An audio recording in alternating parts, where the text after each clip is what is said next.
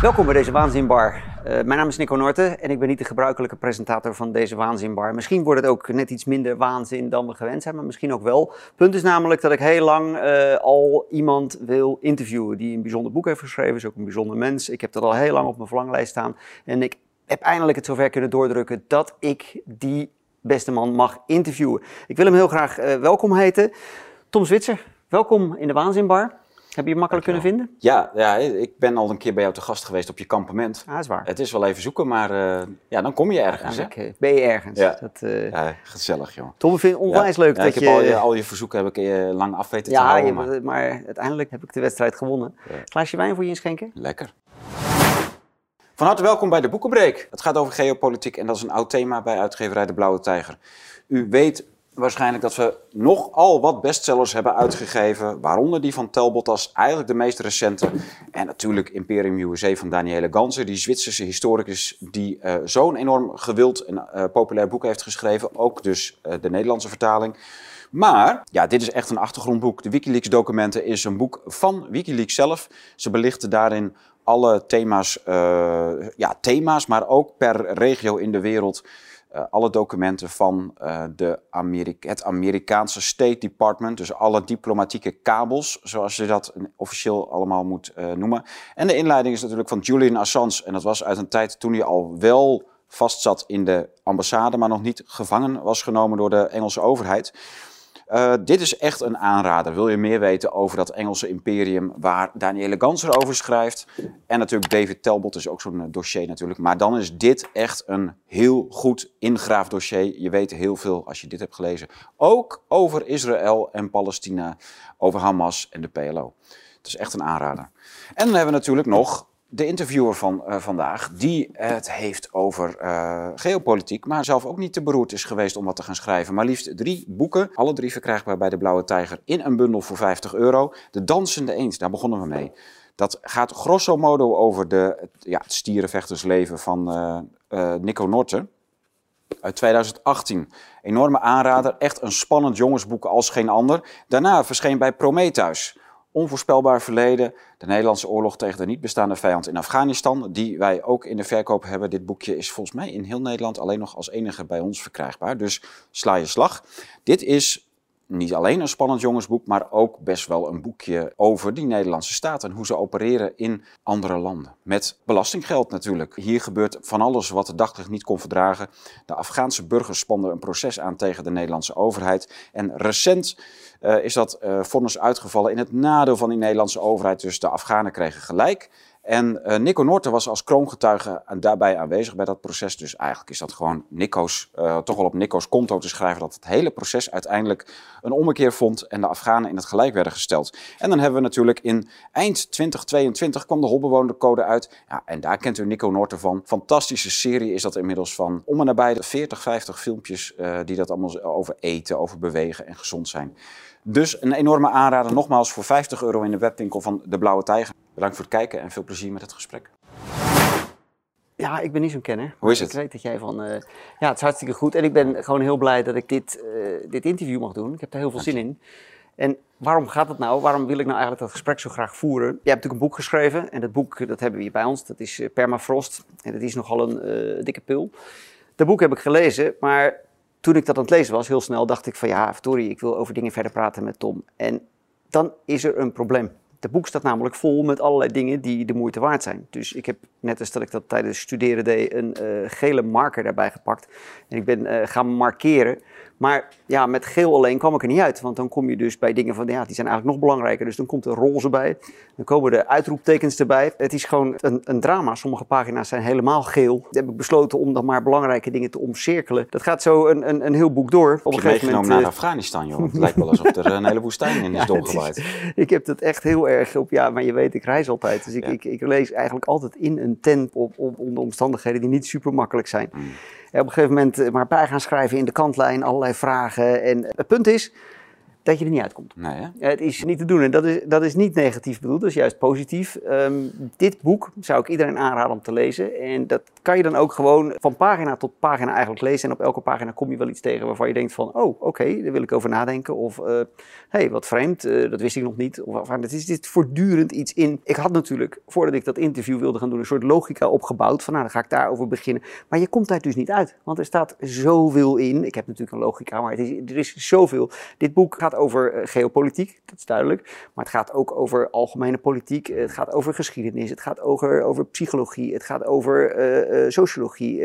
een stukje maatschappijverband, maatschappijleer zit erin. Het, er komt geen einde aan. Elke keer als je denkt van nou oké, we, zitten op een bepaald spoor, komt er weer een spoor bij. En dan komt er nog een spoor bij. En dan komt er nog een spoor bij. En het leuke is, het is niet vervelend. Je kunt het gewoon lezen. Het is niet zo dat je daarvan in de war raakt of, of dat, het, dat het daardoor minder leuk zou zijn. Het wordt juist leuker.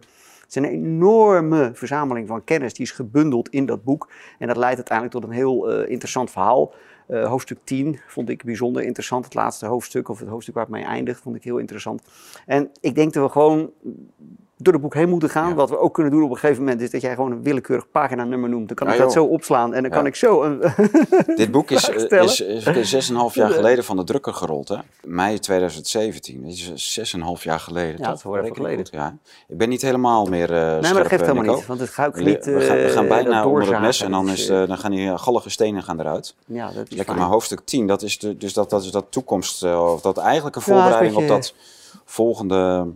Nou, het is een beetje psychologische, sociologische samenvatting Ja. van, van het mensbeeld, de laatste mens. En, eh, maar wat ik, wat ik heel leuk vond, en dat, dat, dat verbaast me heel erg. Je hebt natuurlijk mijn boeken gelezen Mhm. en de, zie je dat in de loop van de tijd, eigenlijk vanaf dat ik een heel klein kind was, heb ik me heel erg verbaasd over heel veel dingen in dit leven. Dus ik ben voortdurend tegen dingen opgelopen die me werden verteld, die als waarheid voor de voeten werden geworpen. Ja. Waarvan ik dacht van, eh, jongens, dat kan niet waar zijn, dat klopt niet. Eh, Ja. Wat er ook gebeurde, dat gaf bepaalde frictie, een bepaalde vroeging. Maar ik kon daar niet heel veel mee, behalve constant verbaasd zijn. En het grappige is, en ik heb het al een keer in een uitzending gezet met, gezegd met eh, Thierry Baudet erbij. Ik voel me er wel schuldig aan dat ik bijvoorbeeld in het jaar 2028 had ik wakker kunnen worden en in een sociaal kredietsysteem. Zonder dat dat zou me zijn overkomen. Als ik jouw boek lees, dan merk ik, en dat is al gepubliceerd in 2017, dat jij van heel veel dingen, en die gaan ook echt heel ver terug. Je begint ongeveer bij eh, de, de, de Eerste Wereldoorlog. Ja. Daar begint eigenlijk jouw lijn in de geschiedenis, jouw permafrost. Maar je gaat ook af en toe een stuk Daarvoor. verder terug in de Ja. geschiedenis. En de, Maar- en de proloog op die trilogie gaat ook nog weer verder eh, terug, hè? dus Heerlijke Platte Wereld. Ja, die staat er nog voor. Dat is een, Ja. een kleiner boekje wat, wat, wat nog losgelezen kan worden. Ja. Daar wil ik niet op ingaan, want dan wordt, allemaal, eh, wordt het echt te veel. Maar er, er zit nog een boek, eh, kleeft hier aan vast. Jij bent een stuk jonger dan ik. Hoe, hoe komt het dat jij, waar is het begonnen dat jij je op een dusdanige manier dingen bent gaan afvragen, eh, je bent gaan inlezen in zaken en een bepaalde structuur bent gaan ontdekken in wat er gebeurt in deze wereld? Want die structuur die wordt erg duidelijk als je permafrost leest. Maar waar komt dat vandaan? Waar, hoe kan het zijn? andere vraag eigenlijk. Dat, dat het aan mij voorbij gaat. Ik zie dus wel van alles wat er gebeurt en ik verbaas me daarover. Ik denk, wat, hoe kan dat nou en waarom wordt dit me verteld? En terwijl jij heel beschouwend, eh, heel duidelijk maakt van jongens, dat is er aan de hand. Daar is dat gebeurd. Dat staat in verband met dat. Eh, Dat, dat Ja, ik leidt wil die allemaal tot... samenhang zien altijd. Ja, maar hoe heb je hem leren zien? Waar komt het, hoe komt het dat er een waar is moment geweest in jouw leven dat jij hebt gedacht van punt 1, er gebeuren dingen die niet kloppen. Punt 2, ik zie een samenhang. En punt 3, dat ga ik dan eens even bundelen in een eh, klein boekje. Ja. Kijk, ik ervaarde toch altijd een soort contrast van, van de moderne wereld waarin we opgegroeid zijn. Jij, jij denk ik ook nog wel. Met iets waarvan wij denken van het is nooit zo geweest. Mhm. Het is nooit zo belachelijk geweest als dat het nu is. Of je nou hebt over nu of 20 jaar geleden of 40 jaar geleden. Ook 40 jaar geleden dachten mensen van, ja maar mei 68, dat was iets absurds natuurlijk. Dat was een soort dijkdoorbraak. En dan, dan eh, die mensen toen, er waren toen ook mensen die dachten van waar komt dit vandaan? Wat zijn de oorzaken? Wat ze, eh, hoe, hoe lopen die ontwikkelingen terug? Naar, en je, je gaat toch eh, lezen, lezen, lezen en heel veel praten met andere mensen. Mhm. Soms met oudere mensen, maar soms ook gewoon met andere intelligente leeftijdsgenoten die, Mhm. eh, die ook zo hun originele invalshoeken hebben. Ja, ik, ik, ik denk dat ik hem dat ik gewoon nieuwsgierig ben hoe je samenhang kan aanbrengen. brengen. En punt 1, ik geloof niet in chaos als, als een soort grondtoestand. Ik geloof in orde als een grondtoestand. Mhm. Dus eh, als er ergens chaos is, dan moet dat een soort gedegenereerde orde zijn. En dus ik wil altijd op zoek naar hoe die orde er dan uit heeft gezien. Dus je uitgangspunt is orde Ja. en niet chaos. Ja, En andersom, bijvoorbeeld waar ik Jordan Peterson ook op bekritiseer, dat hij op een gegeven moment hanteerde die, die slogan ordo ab chao. Hè, dus je moet mhm. orde creëren uit chaos. En dat, dat, is, dat vind ik iets, ja, iets. Ik geloof daar niet in. Ik geloof dat wij mensen in een paradijs geschapen zijn en dat die orde, die perfectie of die goede toestand waarin wij toen uh, waren, dat dat gedegenereerd is. En dat zou je ook als een metafoor voor al het andere kunnen zien wat degenereert. Mhm.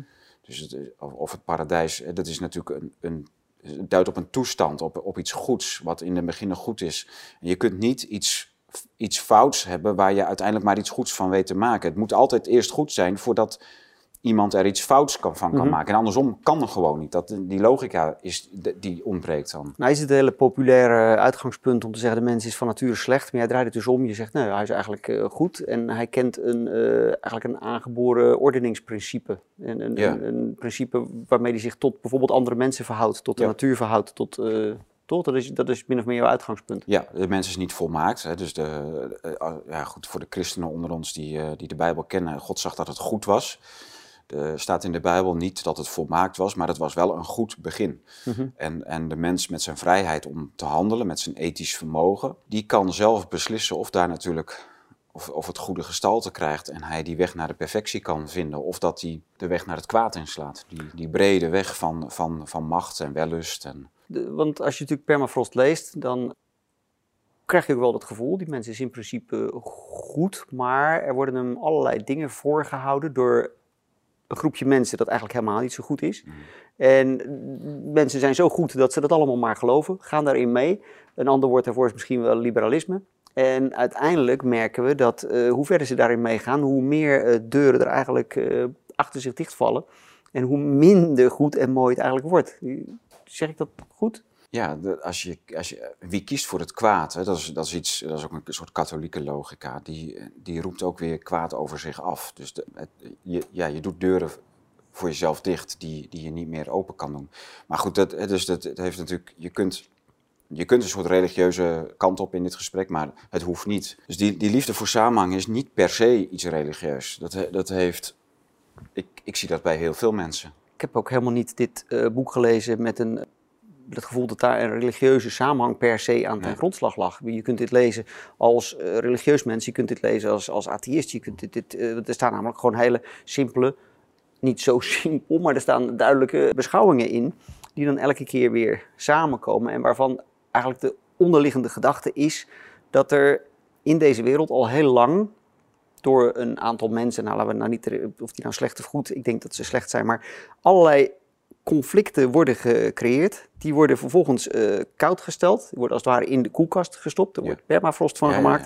en die kunnen op elk moment kunnen die tevoorschijn worden gehaald om een vuurtje aan te wakkeren of om uh, tot een bepaald doel te komen. En ik denk dat de laatste tijd dat dat steeds duidelijker wordt, maar het gaat, als je jouw boek leest, dan wordt het duidelijk dat dat eigenlijk al heel ver terug gaat. Dat dat begonnen is te gebeuren. Ja. Ja, we zagen dat ook bij de Arabische lente al natuurlijk. Het, wat was dat, 2014?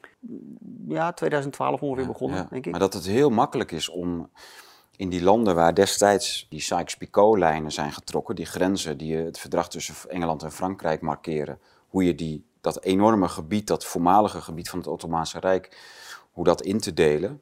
En daar werden bewust nazistaten mm van gemaakt met kunstmatige, lange, rechte lijnen. En die werden dwars door stamverbanden en godsdienstige tradities heen getrokken. Mhm. Met als garantie dat je dat ooit heel makkelijk intern kan oppoken tot een religieus conflict, etnisch conflict. Uh, dat, dat, maakt niet uit. Het is allemaal heel makkelijk uit mhm. te spelen en op, en op te poken. En een jaar later, in 1917, zie je dat, dat die Balfour Declaration, dat, uh, waarbij is, waaraan Israël eigenlijk zijn bestaansrecht dankt, dat dat er ook nog eens bij komt als een soort kers op de taart. Hè. Dus dat je niet alleen maar in dat hele voormalige Ottomaanse Rijk allemaal brandhaartjes hebt, maar dat je ook nog eens dat hele grote conflict Joden-moslims kunt Manipuleren. Manipuleren, ja. ja kunt, kunt afkoelen en opwarmen. En dat is natuurlijk met regelmaat gebeurd. Dat begon eigenlijk direct daarna. En je zag dat uh, met die, uh, ja, de papieren liggen hier nog van een paar vorige uitzendingen. Die Jabotinsky, dat is zo'n extreme zionist. Die, dus binnen acht jaar na de Balfour Declaration krijg je al daar een, een soort ja, seculier zionisme. Wat dus echt gespeend is van Joods religieuze uh, invalshoeken. Namelijk, en, en, en die Jabotinsky, dat was de grondlegger van het revisionistisch Zionisme. Mhm. Echt op, op seculiere gronden een, in één keer een etnostaat funderen in dat, op basis van die Balfour Declaration natuurlijk. Maar ook al heel duidelijk sprak hij over een soort ijzeren muur tussen Palestijnen en, en de Joden. Zodat ze Joden daar in hun eigen land binnen die ijzeren muur veilig konden leven. Dus ze waren zich al heel snel bewust van dat ze een land gingen koloniseren. En, en dat dat spanningen zou geven met de mensen die daar wonen. Het was geen leeg land. Nee. Maar dat is dus eigenlijk precies waar dit over gaat. We, we hadden het net over de, de, de, de, Arabische lente, maar we kunnen inderdaad veel makkelijker teruggaan uh, naar, naar het, wat er nu aan het gebeuren is. Een situatie in Israël die feitelijk al uh, bijna 100 jaar geleden al is ge gemanipuleerd, uh, klaargezet om op elk moment maar weer uit de kast te trekken en die rel te creëren. En dat is dus wat jij omschrijft in een groot aantal landen waar eigenlijk westerse mogendheden, waarschijnlijk aangestuurd weer door machten die daarboven hangen, hebben gezegd: Weet je wat, als we nou hier een streep trekken, dan snijden we eigenlijk alles door midden. Alles wat die mensen aan elkaar bindt, dat, dat maken we stuk. En op elk moment kunnen we daar de vlammen in de pan laten slaan. Precies. En, als als een, een, moeder naar haar dochter wil, dan moet ze voortaan een paspoort laten zien bij, de, bij een of andere net nieuwe grensovergang. Of als een, uh, een, een minderheid aan moslims die in een bepaalde. Ze zegt dat een minderheid van Shiiten in een Soenitisch gebied naar, de moskee, naar hun eigen moskee wil, moeten ze in één keer naar een ander land. Uh, en dus dat maakt hun een minderheid in dat ene dorp, terwijl ze normaal gesproken allemaal heel. Dus je, je, je wakkert iets aan, je onderdrukt iets anders. Dat is, dat is, je creëert een, een hele bruikbare, complexe situatie. Overal in de wereld. Ja. En dat is natuurlijk helemaal... Ja, dat is in, in heel Afrika is het gebeurd. Niet het, het Ottomaanse Rijk is op die manier heringedeeld. Maar Afrika is op die manier helemaal ingedeeld. Dat, dat hele, die hele oostkant van het Britse Rijk... Die, de apartheid, uh, dat is dan, uh, apartheid in Zuid-Afrika is dan zogenaamd een Afrikaanse term, maar het is, de Engelsen hebben het gecreëerd. Ja. ja. De Britten waren de meester in om dat te doen. Cecil Rhodes natuurlijk, die, uh, die hele oostkant van Afrika is op die manier heringedeeld. Dan zie je ook dat, dat koud stellen van problemen als een typisch anglo-saxisch uh, fenomeen. Dat zijn de mhm. mensen die daar heel erg goed in zijn, die daar heel erg gespind op zijn, daar ook altijd maar mee bezig zijn geweest. En het grappige is dat we op het moment dat we naar de lagere school gaan, dan leren we dat dat allemaal nou zo is het gegaan op die en die dag. En niemand verdiept zich verder in waarom het is, zo is gegaan. Dat doe jij wel in dit boek, ook heel duidelijk. En um, je praat heel veel, en dat is ook anglo-saxisch, over bijvoorbeeld het Amerikaanse messianisme. Messianisme, sorry. Ja. dat, dat, um, vertel daar eens wat over, hoe je, hoe je dat ziet. Want Amerika is natuurlijk een ongelofelijke duwer op het uh, toneel al, uh, al heel 100 jaar lang. En, ja. ja, er zit iets religieus in het Amerikanisme zelf. Dus de Amerikanen hebben eind 19e eeuw, begin 20e eeuw de, de de, Amerika was de verlossernatie. Hè? Dus de, uh, Europa stond dan model voor een continent met allemaal rijkjes, uh, volkjes, uh, mm -hmm. taaltjes en conflicten. Verschillen. Ja. Een, een, geschiedenis van oorlogjes.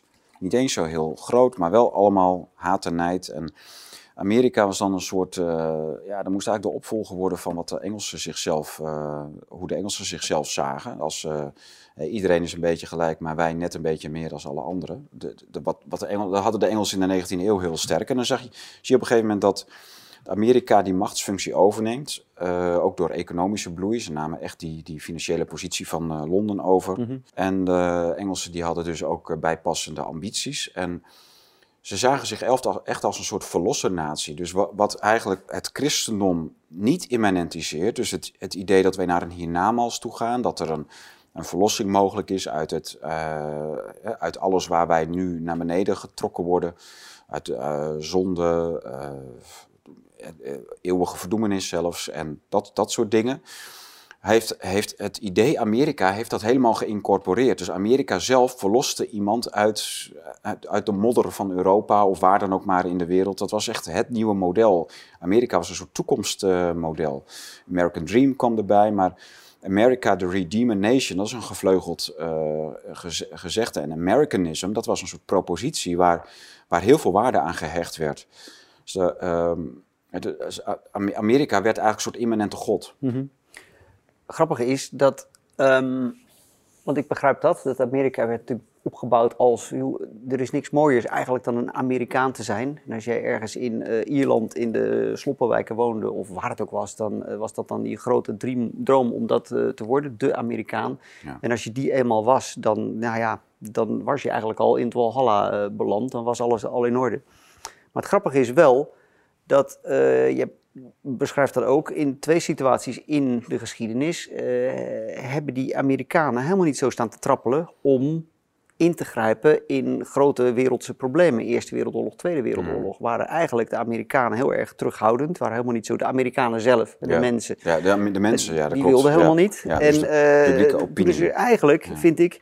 Uh, dat is voor het eerst dat ik daar attent op ben gemaakt. Dat. Uh, nee, ik moet het anders uitleggen toen ik ooit leerde over de Franse revolutie, had ik al snel in de gaten van jongens, daar klopt iets niet. Er werd toen gespiegeld van nou, dat was de burgers en de boeren die kwamen in opstand tegen de twee uh, hoogste standen.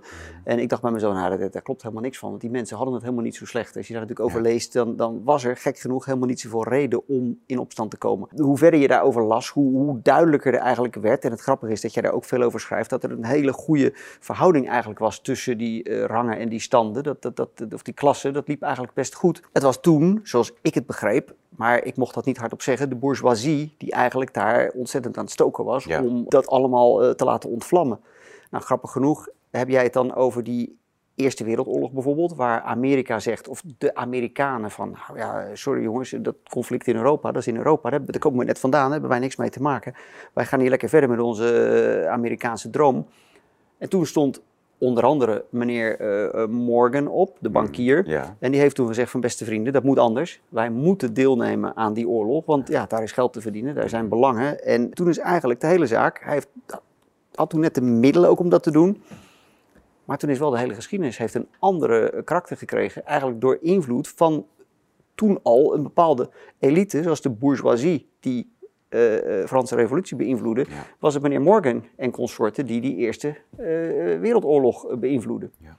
Vertel daar eens wat over, ja. wat je nu, want ik bedoel, je hebt het allemaal niet voorbereid, maar dan maakt het helemaal nee, niet uit. Ik vind het gewoon leuk om daarover te praten. Het is, het is, heel interessant wat daar gebeurt, want je ziet natuurlijk dat, uh, je ziet eigenlijk in, de, in die hele moderne geschiedenis van grote oorlogen dat dat banken of partijen die werkelijk belang hebben, heel graag meerdere kanten in een conflict financieren of mm -hmm. daarvan profiteren. Er zou veel voor te zeggen zijn dat JP Morgan waarschijnlijk geen dollar de, de Europa instuurde, maar dat het allemaal een soort uh, belastinggeldtransfer was van de gewone Amerikaan. Dus die oorlogseconomie moest op gang geholpen worden en daar profiteren een aantal kleine bedrijven of een klein aantal grote bedrijven ja. van en banken. En dat JP Morgan, uh, dat, het, het, was wel heel handig ook dat dus Amerika in die twee grote wereldoorlogen pas op het allerlaatste moment op het toneel verscheen. Zeker in de Eerste Wereldoorlog was, de, was Duitsland was eigenlijk aan de winnende hand. En zonder de hulp van Amerika zou het überhaupt niet gelukt zijn. In de Tweede Wereldoorlog weten we dat de Russen eigenlijk de Duitsers verslagen hebben. En de Amerikanen gewoon binnenkwamen rollen op het moment dat Duitsland al op de rug lag. Nou, behalve gewoon... natuurlijk een stukje Italië, daar hadden ze wat moeilijker. Maar ja, vanaf de, de, ja. de, het westen kwamen ze natuurlijk zo binnen ja. Wat ik grappig vind, want jij noemde er net al bijvoorbeeld in Israël wat speelde, die uh, Balfour Declaration. Iets dergelijks is natuurlijk ook van groot belang geweest in die Eerste Wereldoorlog. Uh, er zijn toen, en je beschrijft dat goed, wat die JP Morgan deed zoals jij dat hebt onderzocht, mm. en het is ook behoorlijk met, met allerlei stukken onderbouwd, die uh, heeft gebruik gemaakt van een onderzoek dat in Engeland werd gedaan, ja. naar aanleiding ja. van de behandeling van Belgen door ja. de Duitsers. En op basis van dat rapport, wat toen is verschenen, Weet dat ook alweer, dat eindelijk, uh, ik ben het ook nu kwijt, want dan, dan uh, heel mensen die het boek lezen komen daarvan zelf op. Maar eigenlijk op basis van dat rapport, wat later weer volledig kon worden ontkracht, heeft de hun, de Duitser, een ongelooflijk afgrijzelijk uh, karakter gekregen. En op basis daarvan heeft JP Morgan, gebruikmakend van uh, allerlei communicatiemiddelen die erop kwamen, heeft die, die Amerikanen aan zijn kant kunnen krijgen. Ja. Verwoord ik dat min of meer goed? Ja, ja, ja. Lord, uh, uh, maar goed, er was dus een, een adellijke Engelsman die zoveel mogelijk fake nieuws ging opschrijven op basis van zogenaamde getuigen van gevluchte Belgische, of Belgische vluchtelingen die naar Londen waren gevlucht. En die konden mondeling gewoon zelf dat rapport volpraten. Dus die konden de, de Duitsers van alles beschuldigen wat ze nooit gedaan hadden. Dus uh, borsten amputeren van Belgische Ja, vrouwen, kinderen door, uh, voor zwangere vrouwen doorboren en kinderen onthoofd en weet ik veel wat, wat ze allemaal met uh, zouden gedaan hebben. En je ziet eigenlijk direct ook in die, in die eerste dag van de Israëlische Hamas of Israël-Hamas-oorlog afgelopen oktober, dat dat ook direct naar voren komt. Dus eigenlijk gewoon zie je direct wat, dat, dat het fake nieuws is. Simpelweg omdat het een recept is wat heel oud is. beproefd is. Ja, en uh, dus er was geen enkele band met de realiteit, met de, met de Belgische uh, situatie als slagveld, waar meerdere grote mogendheden elkaar bevochten. En, en de realiteit is zelfs andersom, want het is nadien natuurlijk wel onderzocht hoe de Duitsers, uh, respectievelijk Duitsers, Fransen, Engelsen zich gedroegen. En waarbij de Duitsers verreweg het beste uh, uit, Nou, die- uit, die- uit de bus eh, kwamen. Ja, die Duitse structuur van het leger liet natuurlijk helemaal niet toe dat die Duitser Nee. makkelijk zich overgaf aan excessen. Dat Nee. was heel erg eh, gestructureerd en geformaliseerd. Ja. En, en ook het contact naar burgers was geformaliseerd. Het contact met krijgsgevangenen was geformaliseerd. En desalniettemin stelden die Engelsen dat rapport op. Maar op zich is het heel erg grappig, omdat je natuurlijk voor iemand die oplet Ja. vandaag de dag, die ziet wel degelijk alle eh, verwantschappen met wat er nu gebeurt in deze maatschappij. Ja. Maar als je het dan terugleest hoe dat in de Eerste Wereldoorlog eh, gebeurde en hoe jij het omschrijft, eh, valt het op de een of andere manier heel veel makkelijker dat, dat die puzzel op zijn plek. En zie je, Mhm. verdorie, dat werkte dus inderdaad zo. Ja. Je legt heel makkelijk die, die link met het, met het nu. Ja, nou, ja, wat, je, wat je in het begin zei, het is, dat, dat rapport wat toen opgesteld is in Engeland, dat heeft vooral in Amerika grote gevolgen gehad. Dus dat heeft echt, eh, ja, die, die eh, Lord die kreeg ook gelijk de boodschap terug uit Amerika dat zijn rapport Amerika totaal van de kaart eh, had gebracht. En dat de Amerikanen helemaal, zogenaamd dan, eh, de publieke opinie, helemaal eh, richting de oorlog deed draaien. Terwijl de, de publieke opinie wilde nooit oorlog. Maar het, kijk, als, als, als een land in oorlog moet, dan, dan komt het in oorlog. Dat, zo kijk ik er naartoe, want je ziet gewoon die rol van die banken. JP Mhm. Morgan, die dat bewust gedaan heeft, die heeft zo'n rapport in Engeland laten opmaken. En dat was toen al genoeg. Nou ja, nu zie je dat het moeilijker gaat of dat het complexer is. Willen partijen echt landen in oorlogen betrekken. Maar dat is deels ook vanwege kerndreiging natuurlijk. Het is nu complexer om ergens een oorlog in te stappen of om bijvoorbeeld de NAVO een oorlog in te laten slepen. Dat kun je met, met onschuldige kleine landjes als Libië kun je dat doen, maar met, met Rusland moet je dat niet proberen, Nee. want dan heb je gewoon een, een full spec- spectrum war, zeg maar. Dat is, dat, is, dat is een verschrikking die niemand wil. Dus de, daar deinzen ook wel veel, zelfs in die elites deinzen daar veel mensen voor terug. Ja, hoewel toch een, een, een eh, aardige poging is gedaan in Oekraïne. En eh, waarvan ik denk Ja. dat het, als we dan uit die geschiedenis iets moeten leren, dan Ja. kunnen we mijns inziens, mijns inziens maar één ding leren. En dat is dat meneer Poetin zich erg eh, terughoudend heeft opgesteld. En, en helemaal niet zo hard, zo enthousiast heeft gehapt op het aas dat hem werd Al die provocaties. Maar datzelfde zie, zie je in Syrië. Dat, dat de regering Assad, die heeft altijd ontkend dat Israël oorlogshandelingen uitvoerde Mhm. tegen het Syrische, de, Syrische regering, dus tegen het, het soevereine Syrië van Assad. Maar we, wisten, we weten wel dat Israël doelen van Iran, dus Hezbollah, eh, Ja. eh, bestookte in Syrië. Maar achter de schermen hoorde ik dus dat wel dat in Syrië dat de Israëli's wel degelijk op, heel zwaar oorlog voerden tegen Assad. Mhm. Gewoon rechtstreeks. Om hem te verzwakken en om ISIS te helpen op te trekken. en Zo, dat, was echt, dat waren echt een aantal handen op één buik. De, de, de VS, Israël, ISIS en een aantal van dat soort splinterlegertjes, militietjes. Die echt proberen om Assad daar weg te krijgen. Want dat is natuurlijk een doorn in het oog. Zo'n staat die, die nergens bij hoort, alleen ja, van Rusland eh, steun krijgt. Maar de Syriërs die hebben geweigerd om dat publiekelijk als oorlogshandelingen te erkennen, omdat het hun zou dwingen om eh, dat als oorlogsverklaring te zien. Ja, ja. Dus een, een openlijke oorlog met eh, Israël erkennen zou eigenlijk de ondergang van Syrië tekenen. Of in ieder geval een, eh, veel meer ellende dan wat het nu eh, zou zijn geweest. Ze hebben gewoon. eh, en, en diezelfde strategie zie je, zie je Poetin ook hanteren. Kijk, Iran heeft een aantal jaren terug een eh, generaal verloren. Door Amerikaans. eh, Amerikanen hebben hem, geloof ik, vermoord. Die Ja, Soleimani. Ja, ja, ja. En dat was, is natuurlijk een oorlogshandeling. Ja. Iran had kunnen zeggen van, ja, nu zijn we openlijk in oorlog met de VS. En die Ayatollahs die roepen wel eens van alles, maar in hun daden is er geen, is er geen openlijke oorlog richting het Westen of richting de VS of richting Israël. Dus daar trouwens wel een leuk boek over, wat nog niet zo belicht is. Dat de synergie tussen Iran en Israël, zeker in de Ayatollah-tijd, dat die elkaar echt versterken en, en nodig hadden of hebben. Wel interessant. wat ik grappig vind, want er spelen meer dingen. Want ik moet proberen om, om natuurlijk bij jouw boek te blijven, want daar gaat het om. En daar speelt eigenlijk iets heel bijzonders. Punt 1 beschrijf je al dit soort dingen. Dus uh, oké, er gebeurt dat, er gebeurt dat, er gebeurt dat, overal over de wereld. En je toont aan wat de verbanden zijn en je toont ook aan wat de bedoeling is met heel veel dingen. Maar uit dat alles zou je dan een geschiedenislus kunnen pakken, dat is één ding. Maar terwijl dat allemaal speelt, dus terwijl er allemaal lijnen op kaarten worden getrokken, terwijl er allerlei eh, groepen in de wereld tegen elkaar worden uitgespeeld of koud worden gezet om op een ander tijdstip uit te spelen, mhm. speelt er ook nog eens een keer een enorme wereldbevolking. Er is natuurlijk een, een wereld die vol met mensen loopt en met die mensen gebeurt ook van alles. Die mensen laten zich op een bepaalde manier beïnvloeden.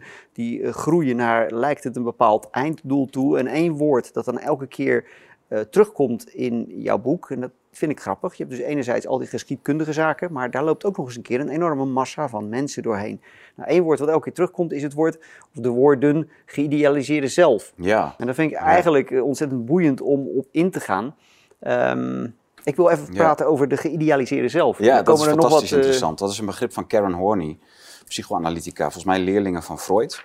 Dat is redelijk in het begin van een boek waar dat ik dat daarover heb.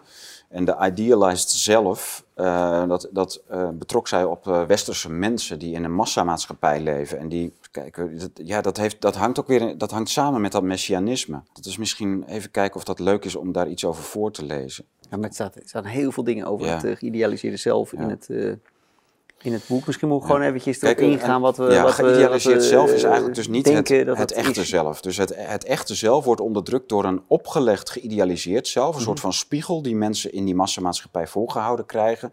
En dit moet je worden, zo moet je doen. Dus het, het is niet zo dat het echte zelf niet streeft naar iemand worden of iets zijn of capaciteiten verwerven of wat dan ook. Maar er wordt echt een soort, ook een verlossersconnotatie hangt er aan mhm. dat geïdealiseerde zelf. Dus je, de verafgoding van het zelf, die, dat, die, die tijd ontstaat daar. En, eh, en natuurlijk kennen we dat enorm uit de jaren 60, 70, 80. Dat dat, dat, dat, dat hele zelf, je moet authentiek zijn, je, moet jezelf, je kunt alleen maar jezelf helpen. Deels is dat ook nog waar ook, maar uh, dat is maar een heel klein deel. Maar dat, dat hele dat, dat hele idee dat, dat, dat, dat er een soort geïdealiseerd zelf is en dat iedereen zijn eigen god wordt, dat, dat noemt Karen Horney dus het geïdealiseerde zelf. En zijn vervanging van het echte zelf in plaats van het eigen zelf en een stabiele persoonlijkheid laat het geïdealiseerde zelf zien dat het echte zelf maar weinig voorstelt en dat men de identiteit beter kan ontlenen aan een nep-identiteit die men idealiseert, dus die volmaakt is en ons verlost van ons eigen zelf. Dat koppel ik dan ook weer aan bijvoorbeeld problematiek die men, die men bij alcoholverslaafden mhm. aantreft, dat mensen een soort façade op, optrekken van een, van een fijne man. Een man. En narcisten doen het ook. Ik ben, een, ik ben een fijn mens. Iedereen houdt van mij en ik wil ook dat iedereen van me houdt. En achter die façade is enkel een soort van ruïne, een persoonlijkheidsruïne, die eigenlijk al in, in elkaar gestort is. Dus er is totale afbraak gepleegd aan, ja, aan, aan dat echte zelf, die dus onderdrukt wordt door een. Door een uh, en het feit dat je die façade kunt optrekken, betekent ook dat die, dat die onderliggende problematiek alleen maar doorgaat. Dus dat, dat drinken, die alcoholproblematiek, uh, waaraan, waaraan iemand ten, ten onder gaat, dat gaat ook alleen maar door. Het is niet, het is niet iets. Die, die twee geïdealiseerde zelf en het echte zelf gaan niet, die sporen, die blijven niet altijd met elkaar sporen.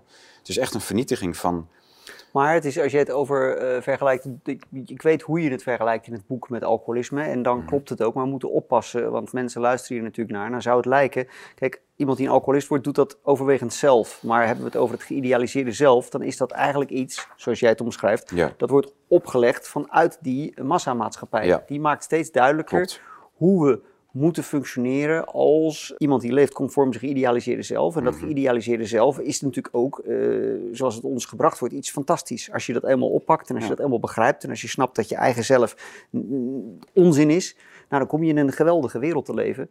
En het grappige is, als je dan echt inzoomt op mensen, en dat is natuurlijk, jouw vergelijk komt daar goed op met die alcoholist, want eh, die alcoholist die leeft natuurlijk voortdurend in de gloria. Maar als je hem natuurlijk gaat volgen en je gaat echt kijken hoe zijn dag er nou uitziet en wat hij nou precies doet, ja, zo erg naar zijn zin heeft hij het niet. Maar hij gaat volledig verscholen achter uh, ja, zijn voortdurende dronkenschap. En eigenlijk geldt dat ook voor iemand die nu in deze maatschappij leeft.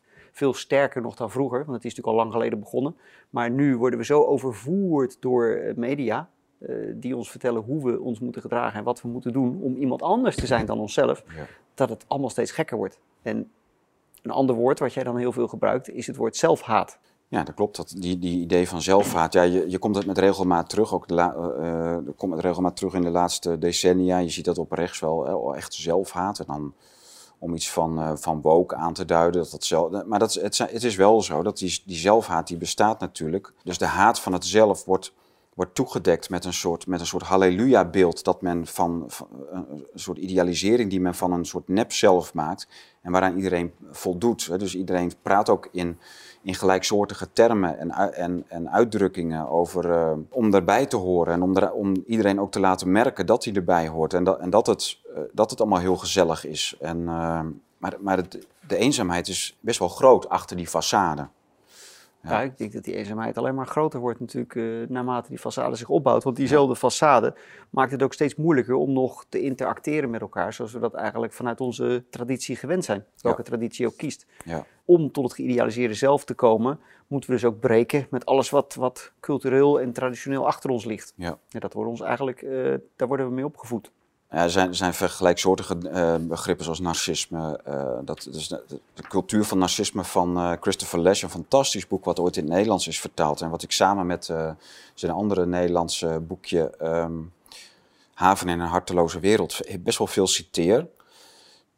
ja, die, die legt ook die vooroorlogse moderniseringsgolf al, al ja, die ontleedt en, enorm goed onze cultuur van het narcisme en, en, en zelfhaat, uh, ergens aan voldoen aan een soort sociaal uh, verwachtingspatroon. De mens wordt ook echt afgebroken. Dus je, je ziet ook in die cultuur van narcisme, in die zelfhaat, worden zaken als, als huwelijk, gezin, gemeenschap, echt die gewoon die, mm -hmm. die tra traditionele ankerpunten, kerk, school, en, maar in zekere zin ook, maar dat, die, die hele primaire instituties, huwelijk, gezin en, en, en gemeenschap, die concrete gemeenschap, die wordt echt door, doorgebroken. Dus wat je die, bij Sykes-Picot in het groot ziet, dat alles wordt doorsneden met abstracte kunstmatige grenzen. Dat zie je in het klein ook. Dat zie je in het klein ook. Dat gaat door onze eigen ziel heen en door ons huwelijk. En door, weet je, want als het nu even niet goed voelt of het voelt niet meer zo goed als weet ik veel wat mensen dan, uh, dan, dan is dat eigenlijk al een vrijbrief om, om maar weer je eigen weg te... En dan, eigenlijk is het toch een soort confrontatieangst. Uh, en, en, men, en men kruipt maar weer terug in dat geïdealiseerde zelf. Want ja, die tekortkomingen van jezelf en van een ander, dat is, dat is blijkbaar iets heel lastigs om mee te leven in deze tijd. Dat is... Dat is uh, eigenlijk doet het ook afbreuk aan het geïdealiseerde zelf. Dus wij, we zien vaak wel de tekortkomingen in de ander. Dus, niets menselijks is ons vreemd, jij en ik ook. Liever dan dat we onze eigen tekortkomingen onder ogen zien. En die angst voor, voor, die, voor die anderen en voor onszelf. Het is, het is veiliger om dan maar gewoon weer lekker verder in je eentje te gaan. Nou ja, het is, uh, je hebt het over ankerpunten. Dat is natuurlijk een heel ja. uh, belangrijk iets. Je zegt van, oké, okay, we hebben ooit die wereld allemaal in stukken gesneden. Daarmee ja. allemaal conflicten koud gesteld. Mm. We hebben een maatschappij aan alle kanten door midden gesneden. We hebben nu de, de, de gezinnen in stukken gesneden. We hebben mensen gescheiden van hun tradities en hun cultuur. En wat je nu ziet gebeuren vandaag de dag is dat we zelfs in de mens zelf aan het snijden zijn. Want ja. hij mag zelfs niet meer bijvoorbeeld zeggen Klopt. van, hé, hey, ik ben een jongetje. Ja. Nee, dat, dat is nu hele... moet, alle referentiepunten moeten verwijderd worden. Dus het idee dat we een geschiedenis hebben en dat, dat wij ingebed zijn in een geschiedenis, het feit dat we ingebed zijn in een gemeenschap, dat we ergens uit voortkomen, uit een cultuur, maar ook uit een gezin. Uit een, uh, en, en dat we in, vanuit die inbedding ook weer een huwelijk aangaan en zelf een gezin stichten. Dat zijn allemaal dingen die allemaal kapot moeten. Ook of we willen of niet. Het gebeurt, het gebeurt bijna ja. zo. Nou, het is heel griezelig natuurlijk ook, omdat uh, als je dat beschouwt, zou je kunnen zeggen: ja, nee, dat zijn dingen die spontaan ontstaan uit de samenleving. Dit is de richting die de, die de samenleving opwalst. Ja.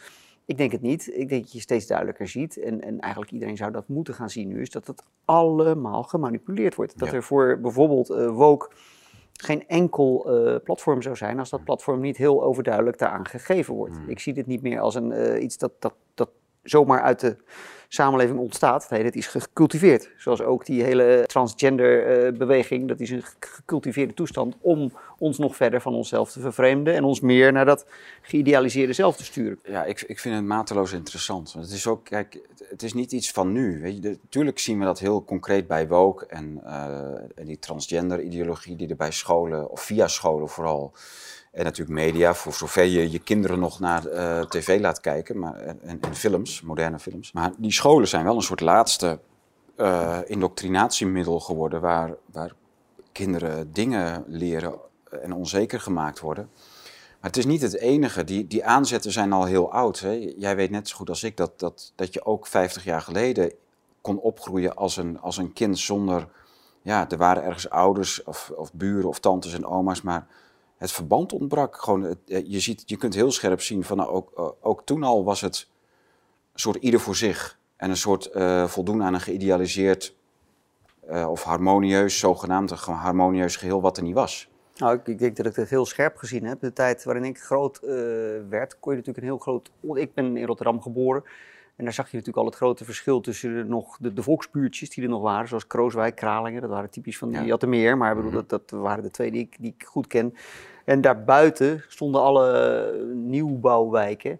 En daar leefden mensen al gewoon een heel gesegmenteerd leven. Je wist eigenlijk Ja. niet wie je buurman was. En eh, woonde je in een flat, daar had je dan, eh geloof ik, acht buren aan alle kanten. Mhm. Als je in het midden woonde. Ja.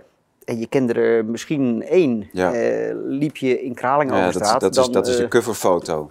Dat is, dat is, je, je hebt het daar bijna over die, die coverfoto. Dat is eh, Oblivion, van, waar Tom Cruise in speelt. Dus heb je, heb je van die mensen die eigenlijk in een soort coma, in een soort permafrost worden die, gehouden. eh, En die leven in, in allemaal afzonderlijke cellen. kokonnetjes. Ja, kloontjes van elkaar. Nou ja, je, je, je, je zag dat in zo'n stad. Je ziet het natuurlijk overal gebeuren, want de nieuwbouwwijk is niet van Rotterdam. Maar eh, omdat natuurlijk dat centrum eruit gebombardeerd was, was het noodzakelijk om als een idioot die nieuwbouwwijken te bouwen om mensen kwijt te kunnen.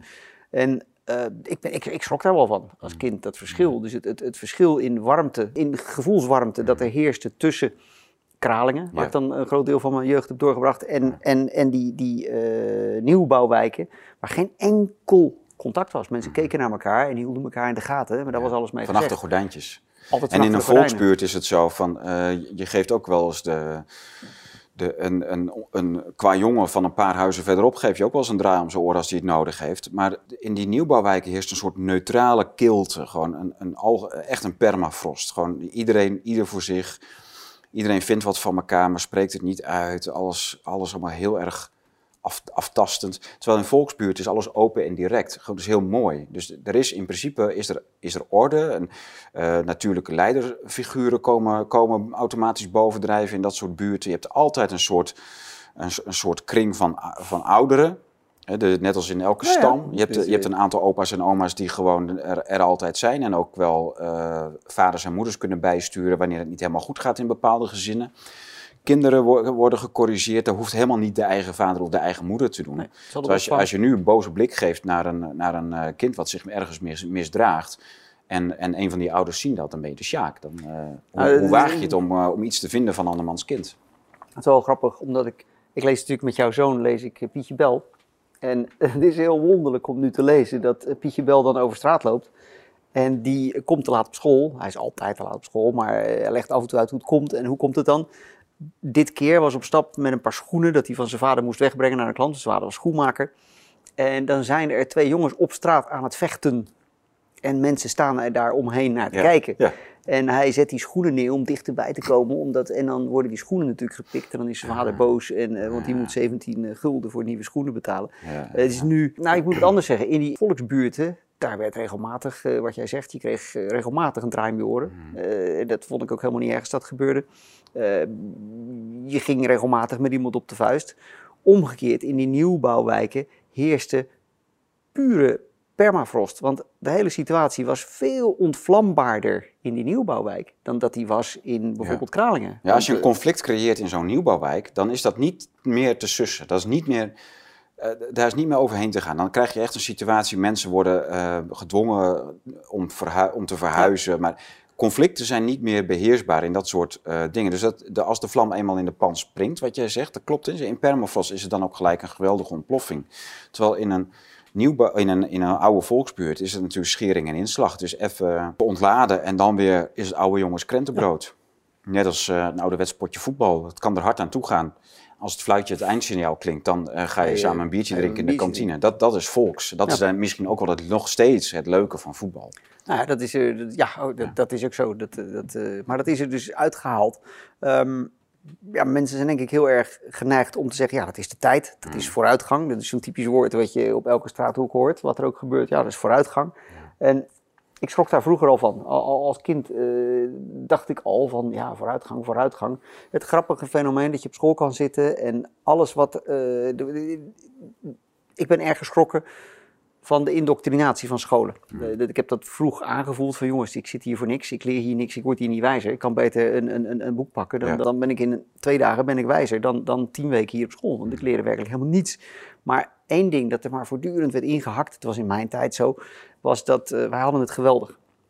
Wij hadden het geweldig. Ja. In Nederland hadden Ja, wij je het mag geweldig. niks zeggen. Want het, En wij moesten dankbaar zijn. dat en wij waarom? niet leven als de Afrikaantjes in... eh, Hè, want waarom was het zo fantastisch? Omdat het ofwel vroeger slechter was, Mhm. of omdat het elders slechter was. En op het moment dat ik dan mijn kleine vingertje opstak en zei ja, maar eh, dan kreeg je een lel. maar die redenatie niet, is eh, nooit, eh, nooit weggegaan. Mensen redeneren nog steeds zo. Het is Ja. ergens anders beter, of het Mhm. was vroeger beter. Ja. En niemand stelt zich de vraag of het vandaag eh, met een schuldenlast tot over het plafond, met, Ja. met eh, een vrijheid die volgens mij ongelooflijk eh, beperkt is ten opzichte van bijvoorbeeld 100 jaar geleden, of het nou wel zo leuk is. Nee, dit is de status quo waarin we leven. Die is goed, want in Afrika is het slechter. Mhm. Want in de middeleeuwen was het slechter. Ik moet eerlijk zeggen dat ik zelf, toen ik studeerde, ooit een draai om mijn oor heb gekregen van een, eh, een, eh, een van, de, van de docenten. Omdat ik eh, in een, een of ander dorp terecht was gekomen waar ik een, een thesis over wilde schrijven. En ik merkte op, eigenlijk speels in het voorstel dat ik deed, dat ik, ja, ik kon toch wel ergens een beetje voelen wat de angst was geweest waarmee mensen... En ik bedoelde dat helemaal niet zo, maar ik had het ongelooflijk onhandig opgeschreven, besefte ik later.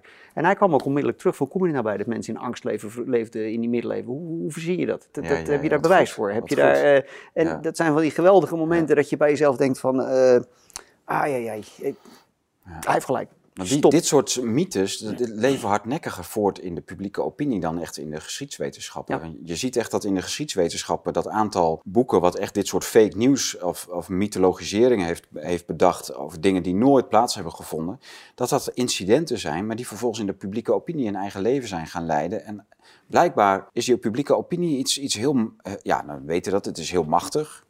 Ja. En doet de wetenschap er verder niet toe of ze, of ze er duizend boeken tegenover hebben gezet die dat allemaal ontkrachten. Dat ene boek wat ze de publieke opinie uitkomt, of de mensen die dat in handen hebben, die willen heel graag dat wij dit denken. Dus dat, dat komt jaar in jaar uit terug. Ja? Maar eh, Richard Dawkins, de Selfish Gene, hè, dat, soort, dat soort onzin, dat blijft maar Ja, terugkomen. ja, ja, ja, dat is bijbel geworden. Ja.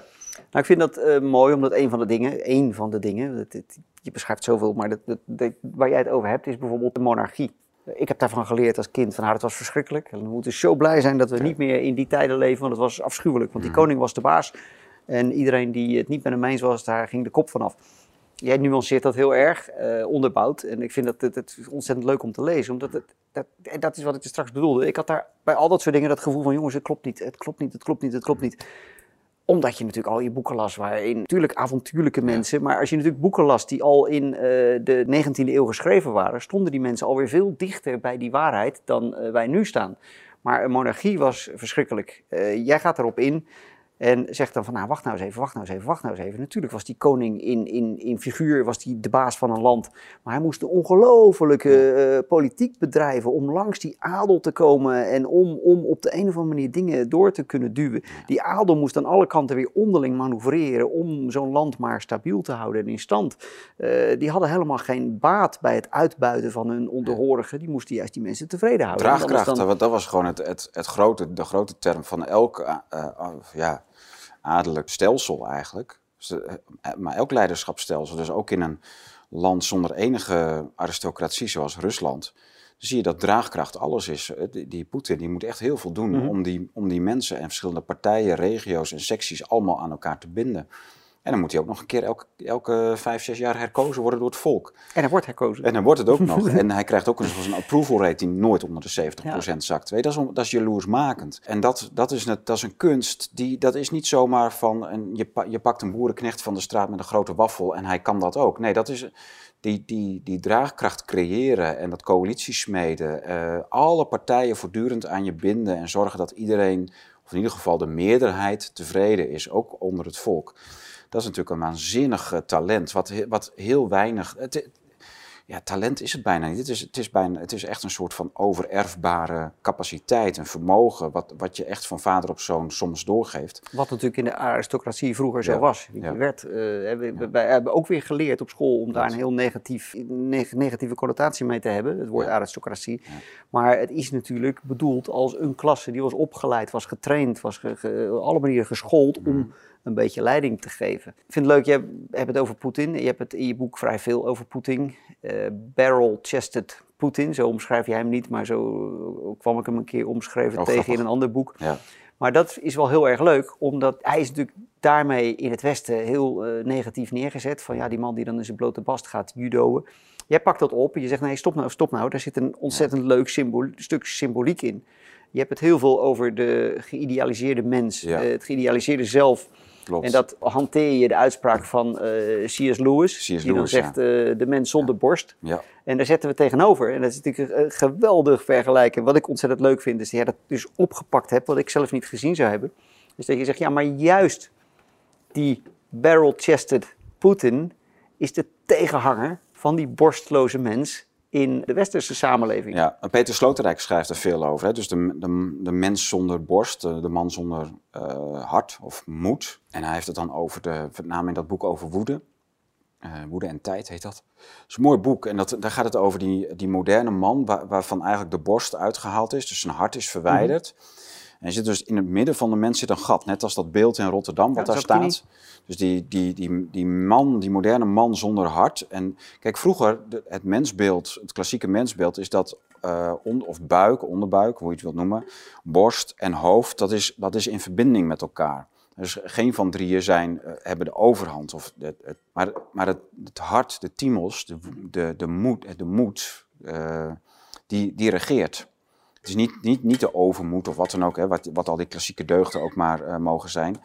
Want een, een mens, en dan citeer ik Chesterton weer, dus de, een, i- een, eh, een generatie voor C.S. Lewis, die zei van de een gek is iemand die alles verloren heeft behalve zijn verstand. Dus iemand zonder die de connectie ver- verloren heeft met, met de rest van zijn lichaam en alleen maar in zijn hoofd woont, is, is in feite gewoon een soort gek. Ja. En waarbij eh, desintegratie eh, van, van jouw mens zijn eigenlijk aan alle kanten eh, naar, naar voren komt. En die, en die ja, C.S. Lewis heeft dat trouwens een heel leuk boekje, Afschaffing van de Mens heet dat geloof ik.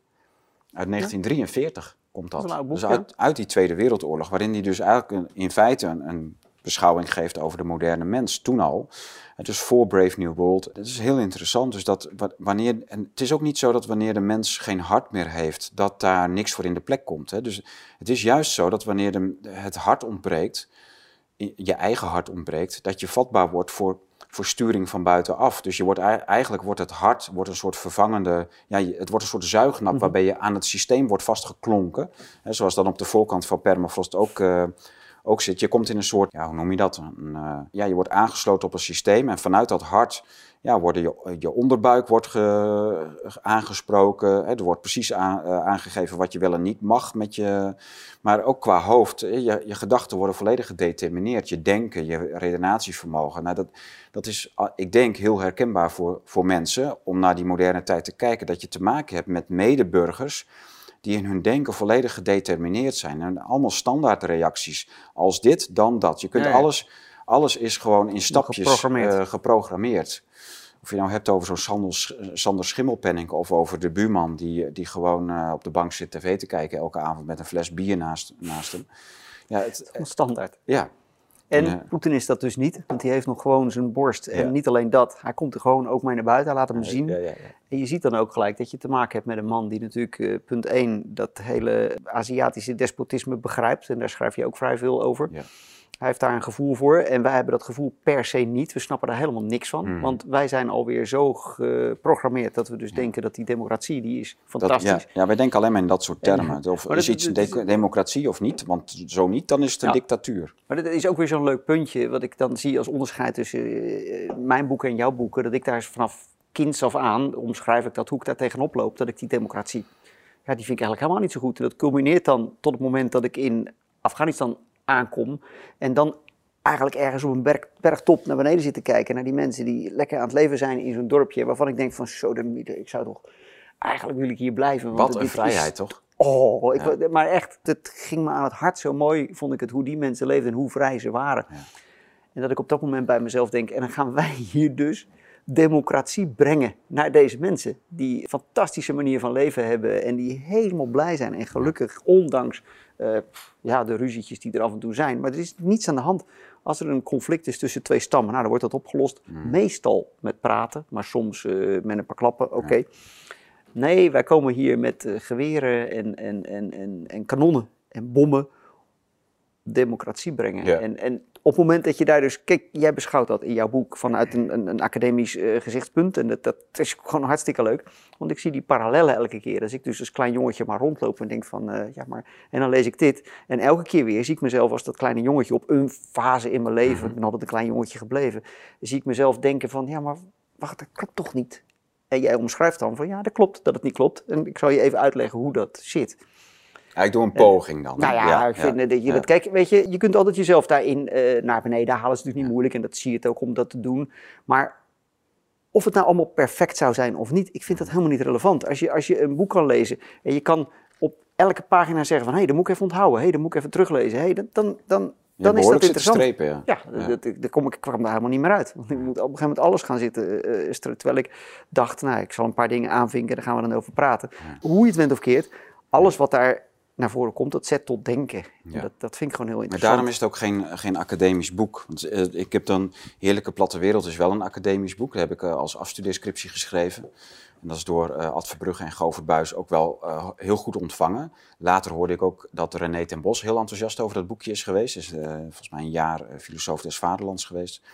Maar dat geldt dus niet voor permafrost. Omdat ik voor permafrost echt, echt wou wijdlopig wilde zijn. Het, het barok, in een barokke uh, stijl.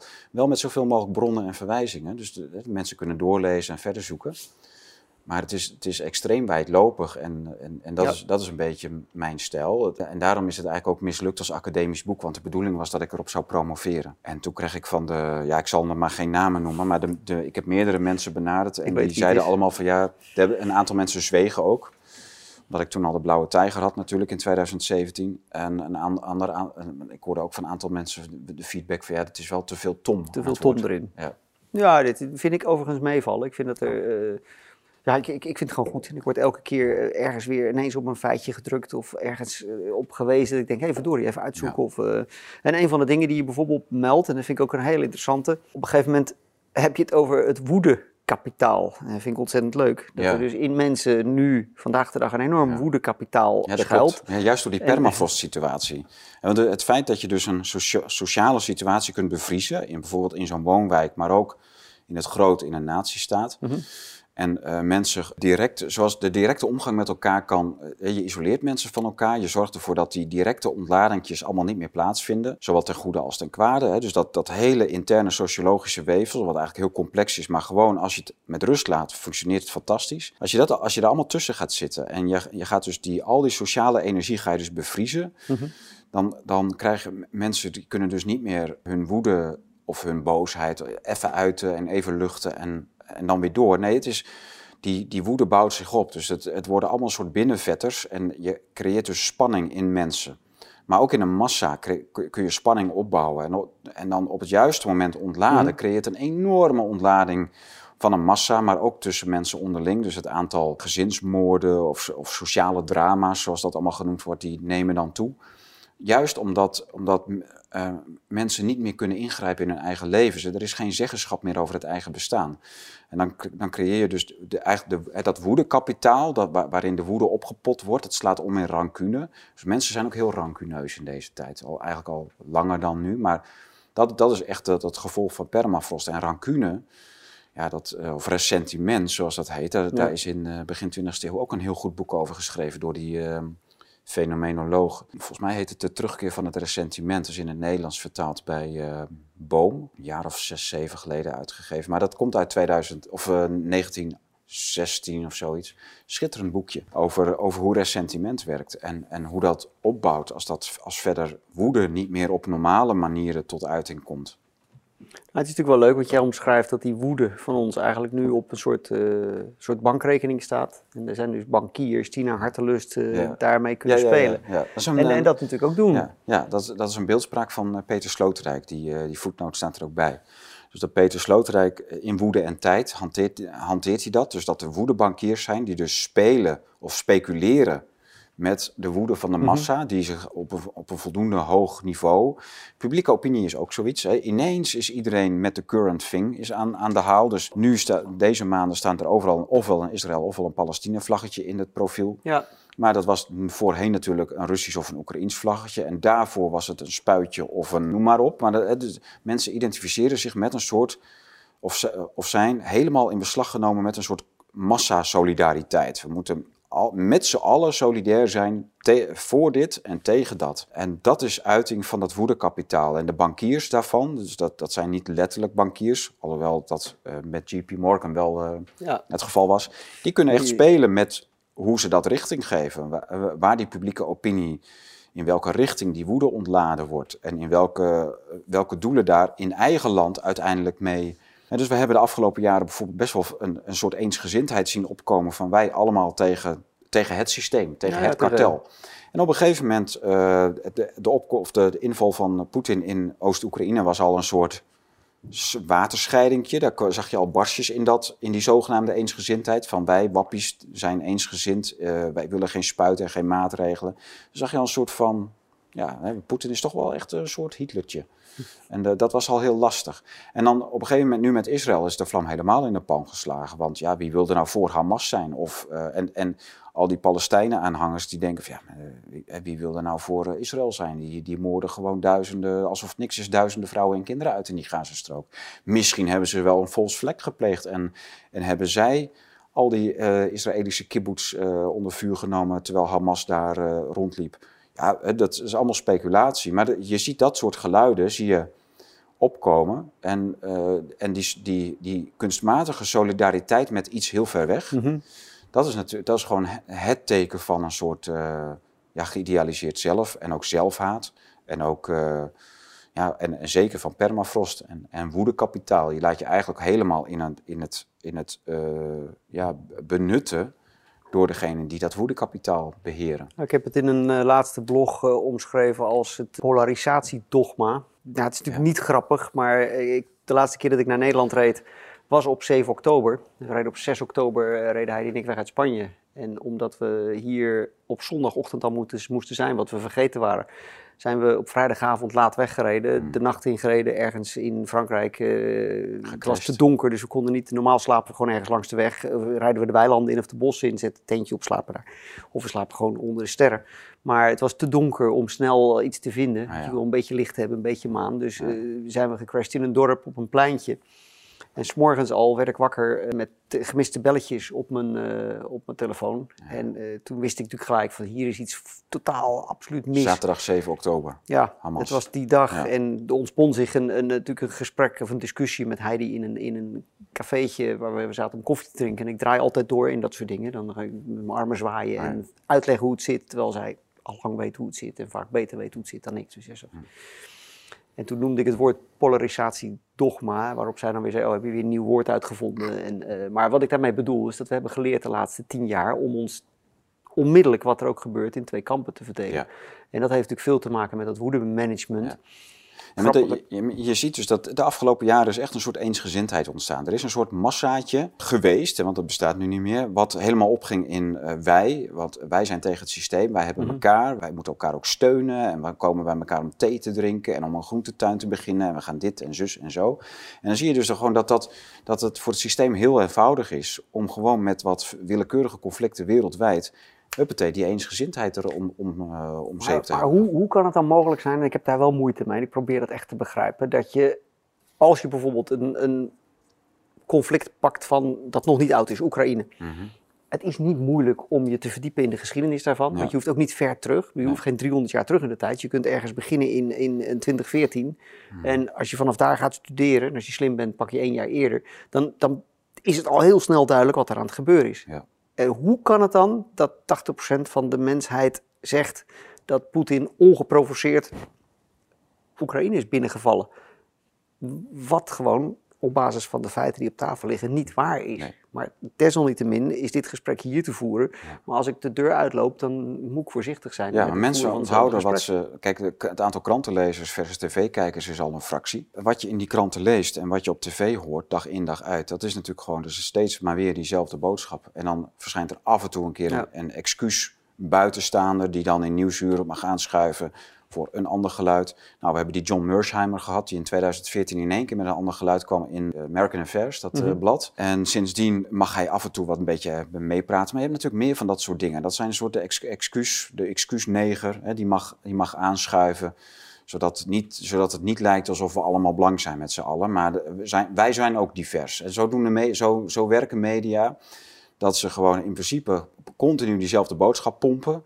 En af en toe even laten, iemand anders laten aanschuiven. En dan denkt iedereen, oh ja, ja dat is ook is interessant. Ja. Ja, zo kun je er ook naar kijken. Maar morgen en overmorgen, die dag daarna, gewoon uren achter elkaar, is weer diezelfde boodschap aan het, uh, aan het woord. Maar, zij hebben gewoon zich verexcuseerd. Nou ja, maar wij hebben ook echt wel hoor en weder. Wij doen ook aan verschillende standpunten. En wij laten ook meerdere mensen aan het woord en meerdere visies. Maar waar, waar blijft de roep uit de samenleving om betere informatie? Hoe, want ik, ik, ik, ik stel de vraag, want ik weet dat het antwoord staat in Maar wil de samenleving uh, informatie? Nou, We leven in een massa-samenleving. Dus die wil gewoon niet al te veel gezeik over zich heen hebben. Die wil volgens mij gewoon vermaakt worden en een fijne avond hebben als ze van een klote job thuiskomen. En dan met dat, dat ene bierflesje in de hand samen met uh, vrouwlief die ook gewerkt heeft, uh, even op de bank, uh, geen gezeik. Hè? Dus dan... ja, ja, dat is ook allemaal begrijpelijk. En, dat wilden de mensen waarschijnlijk uh, 300 jaar geleden ook. Ja, maar... Dus hoe die zelfhaat werkt is niet juist door iemand tegen zichzelf in het harnas te jagen, maar veel filijner. Dus hoe leer je zo'n zo'n passieve toeschouwer, hoe leer je die voldoen aan een geïdealiseerd zelfbeeld, waardoor indirect zijn echte zelf ondersneeuwt en mhm. hij eigenlijk langzamerhand zichzelf leert haten. Ja, door hem gewoon het gevoel te geven dat hij een heel lekker leventje heeft op de bank en zijn witte IKEA-interieur en dat het allemaal fijn is. En hè, dus hij, hij wordt in slaap gesust met een zogenaamd fijn prikkelarm uh, omgevingje, leventje. Hij moet niet tot de ontdekking komen dat hij niks meer te zeggen heeft over dat hele leven van hem. Maar dat alles ingevuld en voorgeprogrammeerd en gedetermineerd is. Het is grappig, want is, ik, ik heb natuurlijk allerlei dingen opgeschreven die ik dan wel leuk zou vinden om voor te lezen. En ik denk dat ik deze makkelijk ga vinden. Daar zeg je een beetje daar iets over. Er was een tijd dat de massa blij was dat het geen volk meer hoefde te zijn en men een zorgeloos onderdeel van de massa en de verzorgingsstaat kon zijn. Ja. In onze paradoxale tijd wil het volk juist verlost worden van de massa die het geacht wordt te zijn. Dus het begint weer langzaam, langzaam terug te draaien. Ja, maar wat, wat, wat, die weg terug is wel een confrontatie, want we zijn wel heel wat verloren onderweg. Hoe zie jij deze massa in, dat, in die grote Phoenixwijken nog terugkeren naar een gewoon volksleven? En dus we komen langzaam wakker, worden we in een soort nachtmerrie waarvan we denken, ja, we zijn allemaal in slaap gesust geweest, jarenlang, in een fijn leven. Met uh, tv, een mooie bank en uh, als het mooi weer is buiten, een, uh, misschien een buurtbarbecue. Maar dat volksleven veronderstelt heel veel meer. Dat veronderstelt echte mensen met capaciteiten om met elkaar om te gaan. En om te zien van ja, die qua jongen die heeft een draai om zijn oren nodig. Maar die jongen die doet dat niet uit qua jongensgedrag. Die heeft juist wat meer positieve aandacht nodig. Die, die moet er eigenlijk even bijgehaald worden. En het, gewoon überhaupt dat soort, dat soort mensenkennis ontbreekt. Maar heb jij nog een, een bepaalde hoop op een weg terug? Of, een, of zie jij een, een, een, bijvoorbeeld iets, iets dat zou kunnen gebeuren? Of het nou een meteorietinslag is of wat dan ook, wat zou maken dat we. Uh, meneer Harari wil ons naar de games en de, de drugs hebben. Dat, dat, dat, dat, daar spreekt hij gewoon uit. En ik begrijp wel wat hij zegt, gek genoeg. Ja. Maar is er, eh, eh, nou zou ons daar nog aan kunnen ontvechten? Ja. ja. ik noem eigenlijk altijd twee voorbeelden die, die, waarvan ik, waaruit ik hoop ontleen. En waar één paradoxaal daarvan is, uh, genoeg is, is één daarvan, is de opstanding van Israël in 1948.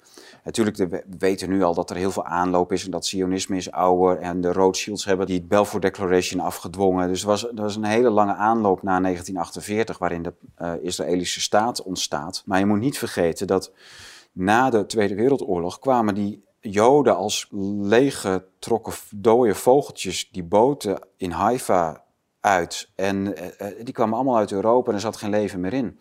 En, en dat Palestina, dat was voor de, voor de rest, ja, het was niet leeg, maar hè, die ving wel al die doodvermoeide Joden op in een, in een land wat nog eigenlijk in opbouw was en waarvan de staat nog niet uh, er was. Dus dat was pas drie jaar later. Maar in drie jaar tijd hebben dus Joden in Palestina hebben, zijn zo veerkrachtig geweest dat ze van een, van een praktisch levenloos volk hebben ze een heel weerkrachtig, veerkrachtig uh, volk weten te maken. Wat gewoon in staat was om eigen grenzen te verdedigen. En er was natuurlijk wel, ze kregen wel hulp van wapens, her en der. En, dus ze wisten het allemaal wel te regelen. Maar dan hebben ze wel gerooid ja, met drie, drie lui en een, uh, hoe zeg je dat? Nou ja, twee man en een paardenkop. Twee man en een paardenkop, ja. Niet, niet en, veel. En niet veel tegen al die Arabische buren die wel dachten van, nou ja, dit, uh, dit, dit is een makkie, dat gaan we, gaan we wel even doen. Maar je ziet dus veel in de, in de veerkracht van ja, mensen. De, de, menselijke natuur is heel veerkrachtig. En uh, artsen weten daar ook van mee te praten. Dat een mensenlichaam, de menselijke natuur is heel veerkrachtig. Mm -hmm. Zeker als het, uh, nou ja, zelfs, zelfs jarenlang aan hongersnood, vervolging, concentratiekampen, heb je in mum van tijd heb je omgedraaid in een, in een heel veerkrachtige, levenslustige ja, maatschappij van, van uh, dus in die zin ben ik, is dat eigenlijk, vind ik juist een heel hoopvol voorbeeld. Alhoewel het hele zionisme, daar heb ik niks mee. Nee, dat, dat is natuurlijk ja. een heel ander En een ander uh, voorbeeld is verhaal. natuurlijk eigenlijk ook wel de Russische toestand na de, na de ineenstorting van de Sovjet-Unie. Hoe die, die Yeltsin-tijd was een dieptepunt. Hoe ze eigenlijk stilzwijgend in een aantal jaren gewoon dat, die hele Yeltsin-tijd. Dat, kijk, het communisme was, was in zekere zin niet erg in vergelijking met, met, met de Yeltsin-jaren. Russen verloren alles, hun pensioenen, hun huizen, hun inkomsten. Het was een waanzinnige inflatie, was echt was verschrikkelijk. was veel erger dan onder de communisten. En dan uh, zo'n zo'n uh, Poetin die opkomt en in no time gewoon stapje voor stapje, heel planmatig, heel doelmatig alles, uh, alle negatieve factoren uh, elimineert en heel langzaam die welvaart weer opbouwt. En ja, maar er speelt misschien iets heel belangrijks in wat jij nu zegt, omdat jij ergens in je boek... Een, ja, paar, sorry, ik had tijd moeten schenken. Mijn excuus, slechte gast hier. Ah joh. Um, jij schrijft ergens dat uh, juist Rusland is een land waar nu langzaam zich een staatsstelsel begint te ontwikkelen, terwijl dat bij ons uh, gewoon helemaal in decline is en, en naar de kloot aan het gaan is. Misschien heeft natuurlijk het, de voorbeelden, weet je, kom, in je voorbeelden kom je bijvoorbeeld op, op Russen terecht. Nou, heel veel uh, mensen die in Israël aankwamen waren ook heel veel Russische mensen. Als je dat als expliciet voorbeeld pakt, zou je natuurlijk kunnen zeggen, ja, die mensen leven dus nog steeds barrel-chested. Die ja. leven nog met hun borst. En, want ja. het is natuurlijk niet de eerste keer dat Rusland is opgekrabbeld. Na, ze deden Klopt. het in de Tweede Wereldoorlog ook. Ja. Dat land was bijna verwoest en vernietigd. En die Russen hebben toch maar kans gezien om onder afschuwelijke omstandigheden ergens ver buiten de dracht van uh, Duitse wapens een ongelofelijke wapenindustrie op te bouwen. Ja, ja. En uh, in de slag om Koersk even te laten zien van uh, we zijn er gewoon nog, je hebt hier niks meer te zoeken, eruit en klaar en over. En dat, dat, ze, ze, hebben heel vaak zijn ze uit het niks opgekrabbeld en, en hebben hun veerkracht laten zien. Maar als ik dat zeg, dan, dan beargumenteer ik natuurlijk eigenlijk dat met het leven dat wij nu leven, dat we toch wel heel erg onze veerkracht juist uh, eruit aan het rammen zijn. Ja. En daar ben ik wel een beetje bang voor dat dat gebeurt. Ja, nee, dat, dat klopt ook wel. En, en dat het zonder slag of stoot gaat, geloof ik ook helemaal niet. Dus dat, dat we een moeilijke tijd terecht uh, ingaan, zeker in Europa, dat lijkt mij duidelijk. Ja, die Russen aan de andere kant. Kijk, de Russen hebben weinig, zou je kunnen zeggen, als, als je dat, die, die analogie van uh, C.S. Lewis nog erbij haalt, van hoofd, hart en, en buik of onderbuik. Mm -hmm zou je kunnen zeggen dat de, de Russen hebben heel veel hart en onderbuik en iets minder hoofd. Dat idee maatschappelijk gezien is bij hun niet zo ontwikkeld als in de westerse traditie. Je hebt wel wat filosofen, je hebt wel wat... Maar er, het is gewoon vooral heel... De, staat of het, het maatschappelijke hoofd, dat is vooral dat Aziatisch despotisme geweest. De tsaren. En, en die, het, is ook gewoon half Azië. Dus dat dat in een Aziatische traditie staat, is, is niet heel onlogisch. Maar daarmee is, het, is de Rus is wel een heel warm mens, een enorm warm mens. En ook een hele warme maatschappij. Die, die Amerikaanse diplomaat uh, George F. Kennan, die, de, die de ambassadeur is geweest, uh, ja, die schrijft daar ook over dat hij, dat hij gewoon heel graag anoniem de straat op ging in Moskou om, gewoon om die, die Russische warmte te, te ervaren en te voelen. En dat hij die Russen van onderling, maar ook naar vreemden, een weldadige warmte hebben die, die hem vreemd was. En op een gegeven moment, na een aantal jaren, was hij weer terug in Amerika. Na een jaar of vier, vijf, zes, ik weet niet meer precies hoe lang. was eigenlijk niet eens een hele lange periode. En hij liep daar wezenloos over straat. Hij herkende het Amerika ja. niet meer wat hij, wat hij verlaten had, wat hij achtergelaten had. Maar je moet daarmee ook in rekening houden dat Amerika zelf was natuurlijk wel ietsje veranderd in die vier, vijf jaar.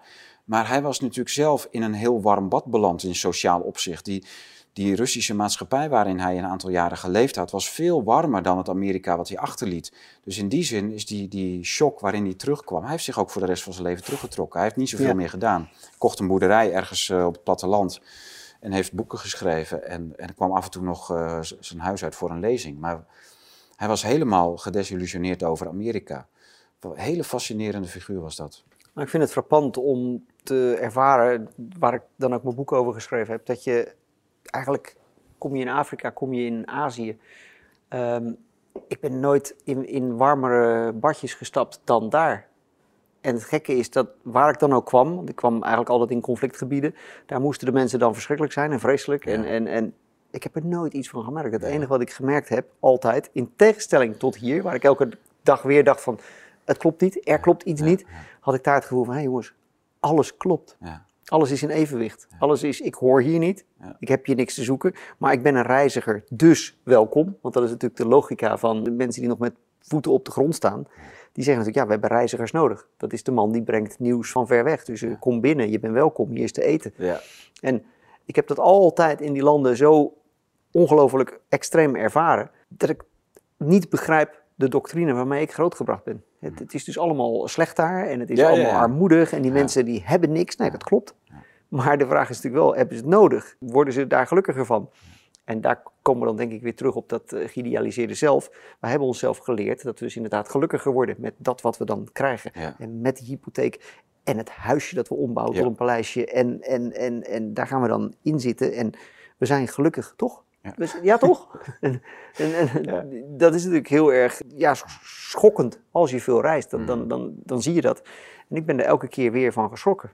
Ja, ik hoop wel dat we die veerkracht hebben om nog uh, terug te draaien. Ja, ja ik, denk, ik, denk het wel dat een deel van de mensen makkelijk terugdraait en een ander deel van de mensen het heel moeilijk gaat krijgen. Ja, kijk, weet je, ik, ik merk eigenlijk pas achteraf vaak besef ik van hé, hey, we hebben in, bij normale mensen gezeten. We hebben een leuk dochter van, van vrienden waar ik laatst was kinderen wonen nog allemaal thuis en uh, het meisje had een, een, leuke verkering. En, dus, uh, en, ik, en ik vroeg hoe het met die verkering was. En uh, nee, ze zei, nee, het is al uit. Maar dat was waar iedereen bij zat. En dat was, nee, dat was uit. Ja, dat was heel jammer. Ook wel een beetje pijnlijk en zo. Maar ah, ik zei, ja, wat jammer. Wat zonde nou. Wat, was toch heel leuk. Was toch een leuke kerel. Ja, ja, het was ontzettend leuk. Ja, was wel zonde, ja. Maar ja, goed, kijk. Er zijn natuurlijk altijd redenen waarom zo'n relatie strandt. En dat kan ook, maar hè, in, in, je eind, eind tiener, begin twintiger jaren heb je daar vaak toch wel wat relaties voor nodig. Je kunt heel open, terwijl als je bij die, in zo'n massamaatschappijgezin uh, bent en, je, en, en zoiets doet zich voor, van je, er gebeurt iets mhm. waarvan je niet weet dat het, de relatie is al uit. En dan wordt er allemaal heel zwaar aan gedaan. Ja, daar kun je beter niet over praten. Ja, ja, ja. ja, pijnlijk. De tere ziel is gekwetst. Ja, tere ziel. die snowflake-cultuur. Eigenlijk dus, er sta, ontstaat een heel domein aan thema's die onderdrukt worden. Wordt niet over, hier wordt niet over gepraat. En in de 19e eeuw zie je dat eigenlijk al in het Victorianisme ontstaan. Dus dat, dat, dat wasp, die wasp-wereld van uh, white, Anglo-Saxon Protestants. De wasps. Ja. en die krijgen er voor mij ook vaak van langs. Omdat die, ja goed, het, het is een, een ontwikkeling die al naar de 16e, 17e eeuw teruggaat. Maar je ziet dat Victorianisme in de 19e eeuw heel dominant worden in die hele liberale, protestantse, westerse wereld. Dus niet alleen maar in Engeland. Maar dan zie je dus een wereld van.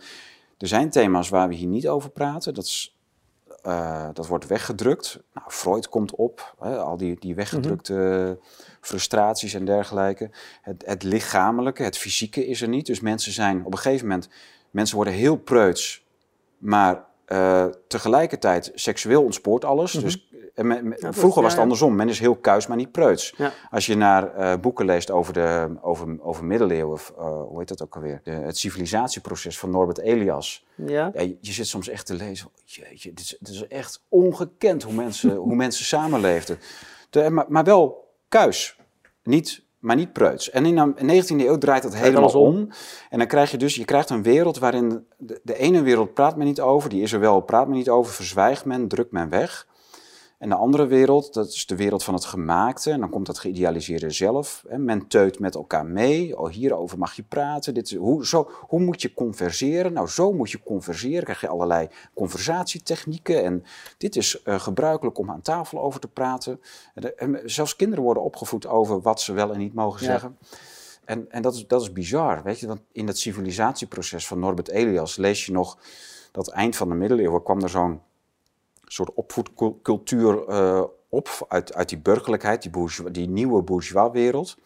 En dan, en dan zijn de boekjes die, uh, die, die zijn ook zo van dan eh, wil men ja, de, de, mannen leren wat je wel en niet mag doen. Maar dan staan er adviezen in. Het is, het is niet gepast om onder het raamkozijn van een jonkvrouw tegen de muur te wateren. Ja, dat is niet netjes. Uh, want de jonkvrouwen zaten blijkbaar altijd in het raam naar buiten te kijken. Tuurlijk. Maar dat soort bizarre dingen, weet je, dat, is, dat is hilarisch om te lezen. en, en denk van, ja, maar, maar dan denk je, oh, wat hebben we... We hebben niet alleen in in, in vijf, zes eeuwen een waanzinnige ontwikkeling doorgemaakt. Maar we hebben eigenlijk die laatste anderhalve eeuw, sinds die, die dominante, liberale, ja, Freudiaanse cultuur, waarin je dus eigenlijk een soort je creëert een enorme spanning in het onderbewustzijn. Dus dat, dat onderbewustzijn wordt geladen met allemaal dingen waar niet over gesproken moet worden. En dan moet zich s'nachts, als je slaapt, moet het allemaal maar weer rechtgebreid worden. Dus kinderen worden opgevoed In, een, in een wereld van, ja, waar mag ik ook Oké, dus hier mag je zo, zo zitten mensen, kinderen zitten zo naar, naar hun ouders te kijken. Of naar wanneer ouders vrienden over de vloer hebben. Oké, ja, daar mag ik dus niet over. Oké, dat mag ik niet zeggen. En dus aan, aan hoe ouders en hun vrienden met elkaar omgaan, moet je eigenlijk maar opmaken waar je wel en niet over mag praten. Maar je kan dan later wel het er weer over hebben in de therapiesessies. Ja, dan mag het wel. Dat is wel weer fijn. Ja. Dan kan je weer uh, tot een. Voor de therapie, daar heb je je psycholoog mens worden gemaakt. Ja. Ja, waarom zou je het niet tegen je ouders mogen zeggen, maar later wel tegen een therapeut die je maar van allerlei handen frustraties en permafrostachtige spanningen moet afhelpen? Nou ja, ik denk dat we wel kunnen concluderen dat al die dingen samen langzaam aan het zorgen zijn. En ik denk bewust, dit wordt aangestuurd, dit gaat niet per ongeluk. Dit, is niet een impuls van de maatschappij van, goh, zo vinden we het leuk. We worden gedwongen naar een leven waarin we dus inderdaad, en daarom is dit boek zo ontzettend leuk, dat, dat, ingaan op dat geïdealiseerde zelf, die zelfhaat. Uh, we worden daartoe toe verleid. Uh, we worden in kampen verdeeld, uh, steeds meer ruzie. En dat heeft allemaal een doel en dat is angstig. En wat ik nog angstiger vind, is dat mensen maar alsmaar niet hun ogen willen openen daarvoor. En niet uh, de boeken willen lezen die ertoe doen. Doe, dat televisie kijken heeft geen enkele zin meer. Ik bedoel, als je dat nieuws één keer gezien hebt, ja, waarom zou je het nog een keer kijken? En waarom zou je het de volgende dag... Het is, het is zinloos. Ja. Maar, het, maar het is dat uh, infuus. Hè? Dus mensen zonder borst, die zijn nou eenmaal vastgeklonken. Zo, pff, die zuignap van het systeem zit er nou eenmaal op. Dus... Ze, ze, ze, hebben, ze, hebben, ook niet. Kijk, die, die borst is ook de wil. Dus de timos is ook. Heb je die eigen wil of heb je geen eigen wil? En, en dat is, dus mensen met een borst hebben die eigen wil ook nog. Maar als je eenmaal die zuignap van het systeem, die die, die, die borst heeft vervangen, dus dat gapende gat, als dat eenmaal is vastgeklonken aan dat systeem, die mensen willen ook niks meer. Dus, dus hun, hun wil ontvangen ze ook van buiten. Alles waar ze naar moeten streven of weerstreven, waar ze tegen of voor moeten zijn, dat komt van buitenaf. Oh ja, je moet tegen Poetin zijn. Ja, is Hitler, is Hitler. Nou, je leerde natuurlijk vroeger al, als je in die business zat, dat uh, herhaling de kracht is van uh, reclame. Ja. En een ander ding wat je natuurlijk leerde, en daar stond ik toen nog eventjes van te kijken, is dat je natuurlijk niet alleen mensen moet verleiden om een product te verkopen, maar je moet ze daarna natuurlijk ook laten zien dat ze de goede keuze hebben gemaakt. Ja, nou, dat dat uh, die bevestiging moeten zijn. En dat is natuurlijk iets wat je tegenwoordig in die media alsmaar ziet terugkomen. Je hebt het daar veel ook over in het boek, over media, de opkomst daarvan en uh, wat het met ons doet vandaag de dag, hoe het functioneert en hoe het eigenlijk zou moeten functioneren. Ook weer zoiets wat ik op de lagere school mee heb gekregen. Je was echt een ongelofelijke kluns als je niet elke dag tenminste één krant las. Dat moest je doen. En dat heb ik ook geprobeerd. Ik had het dan ook leuk gevonden als er iets in stond. Ja. En geloof het of niet, en het is, ik weet zeker dat, dat echt niet veel mensen hmm. zullen zeggen dat ik geen gelijk heb. Maar bijvoorbeeld de Telegraaf stond regelmatig op de voorpagina dat de brandweer weer ergens een kat uit een boom had gehaald. Ja.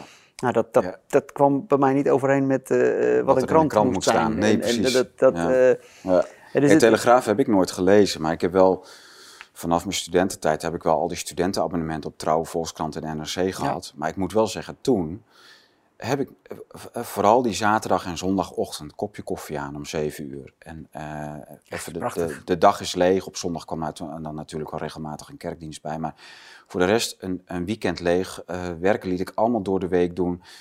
Het weekend gebruikte ik echt voor, want je kreeg de weekendbijlages. De, en, en, ja, ik, ik, ik genoot van die dagen. Want die kranten toen, die hadden, Trouw had nog letter en geest. Volkskrant en NRC hadden, regelmatig gaven ze een opdracht aan Sla voor Zizek of Peter Sloterdijk of Alain Of wie dan ook maar, grote denkers vanuit Europa om over dit te schrijven, over dat, over dit. Regels voor het Mensenpark van Peter Sloterdijk. Dat, was, dat, dat kwam in de krant kranten, werd in Duitse kranten geplaatst. Dat, dat, was niet een essay wat hij op een gegeven moment, het kwam uiteindelijk ook in boekvorm uit, maar Dat werd gewoon in, uh, dat kwam uit Der Spiegel en zo, en dat werd vertaald. Dat ging dan in een NRC of een Volkskrant kwam dat te staan. Dat was ongelooflijk, ja, dat was een het, het, was wel fout, dus eh, je kunt het ermee oneens zijn, maar het was een majestueuze manier van denken. Met, van een eerlijke denker. Sloterdijk was een, een grote, eerlijke denker. Misschien de laatste grote. Hij had natuurlijk zo'n uh, zo'n maatje nog, die, die met dat filosofisch uh, kwartet uh, had hij dat, met die, die sliste.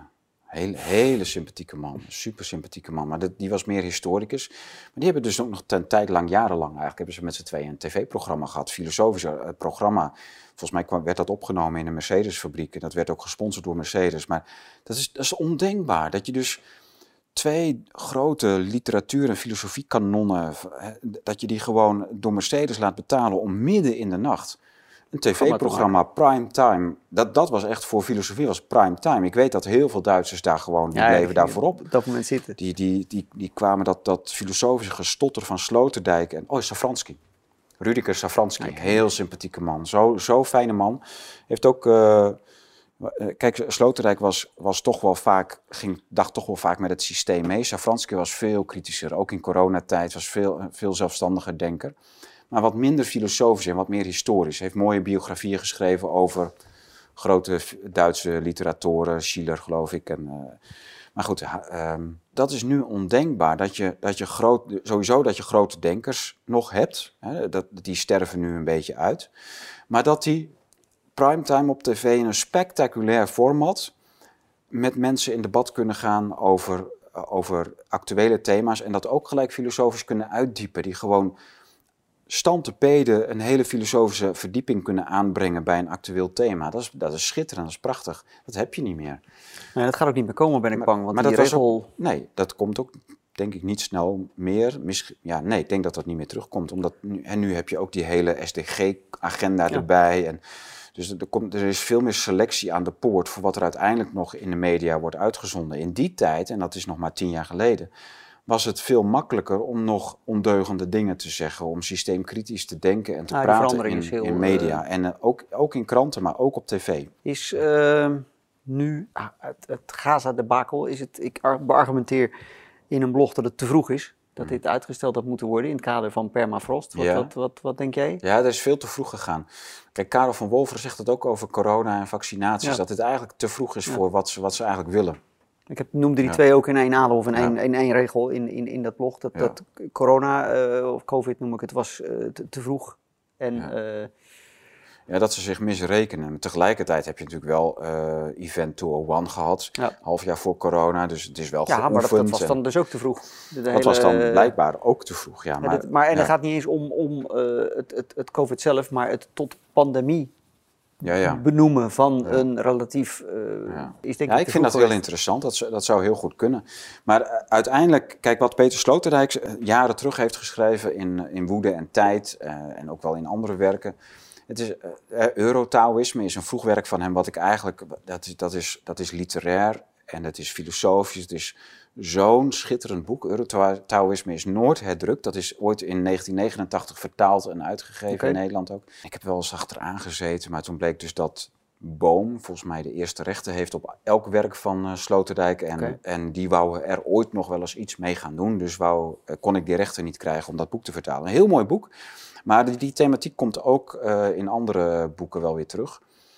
Maar die, die eh, imperial overstretch, hè, dus dat, dat liberalisme in feite, of die liberale maatschappij, dat hele denken een piramidespel is, wat steeds weer, wat eigenlijk aan de onderkant steeds verbreding zoekt van slachtoffers. Ja. Uiteindelijk houdt het op. Dan het, het, je kunt geen oneindig spel eh, spelen op, op, een, op eindige uitgangspunten. Nee, maar dat is natuurlijk waar ik bang voor ben. Dat, dat klopt dat stort op een moment in. Mhm. Maar ik heb het gevoel dat het de bedoeling is dat het instort op het moment dat de oplossing al klaar staat. En de oplossing dan dus niet uit ons komt, maar mhm. ons wordt opgelegd. En kijk.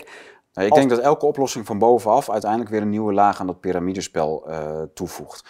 En dat een, een, piramide ook helemaal, dus tot en met de top in moet storten, wil, wil dat piramidespel voorbij zijn. En, en daar ben ik dus bang voor. En daarom hoop ik dat nu de mensen die dit allemaal aan het bekokstoven zijn, dat die gewoon te vroeg zijn en te snel. Uh, ik denk dat het uh, bijvoorbeeld het hele vluchtelingendrama in het Westen veel verder had moeten worden doorgezet voordat gebeurde wat nu gebeurt. Maar tegelijkertijd is als je natuurlijk in Gaza aan de slag gaat, dan ben je permafrost aan het bedrijven op een manier die nog nauwelijks controleerbaar is. Als je daar natuurlijk een zaadje zaad, dan heb je niet meer echt uh, invloed op hoe snel dat tot een boom uitgroeit of, of iets anders.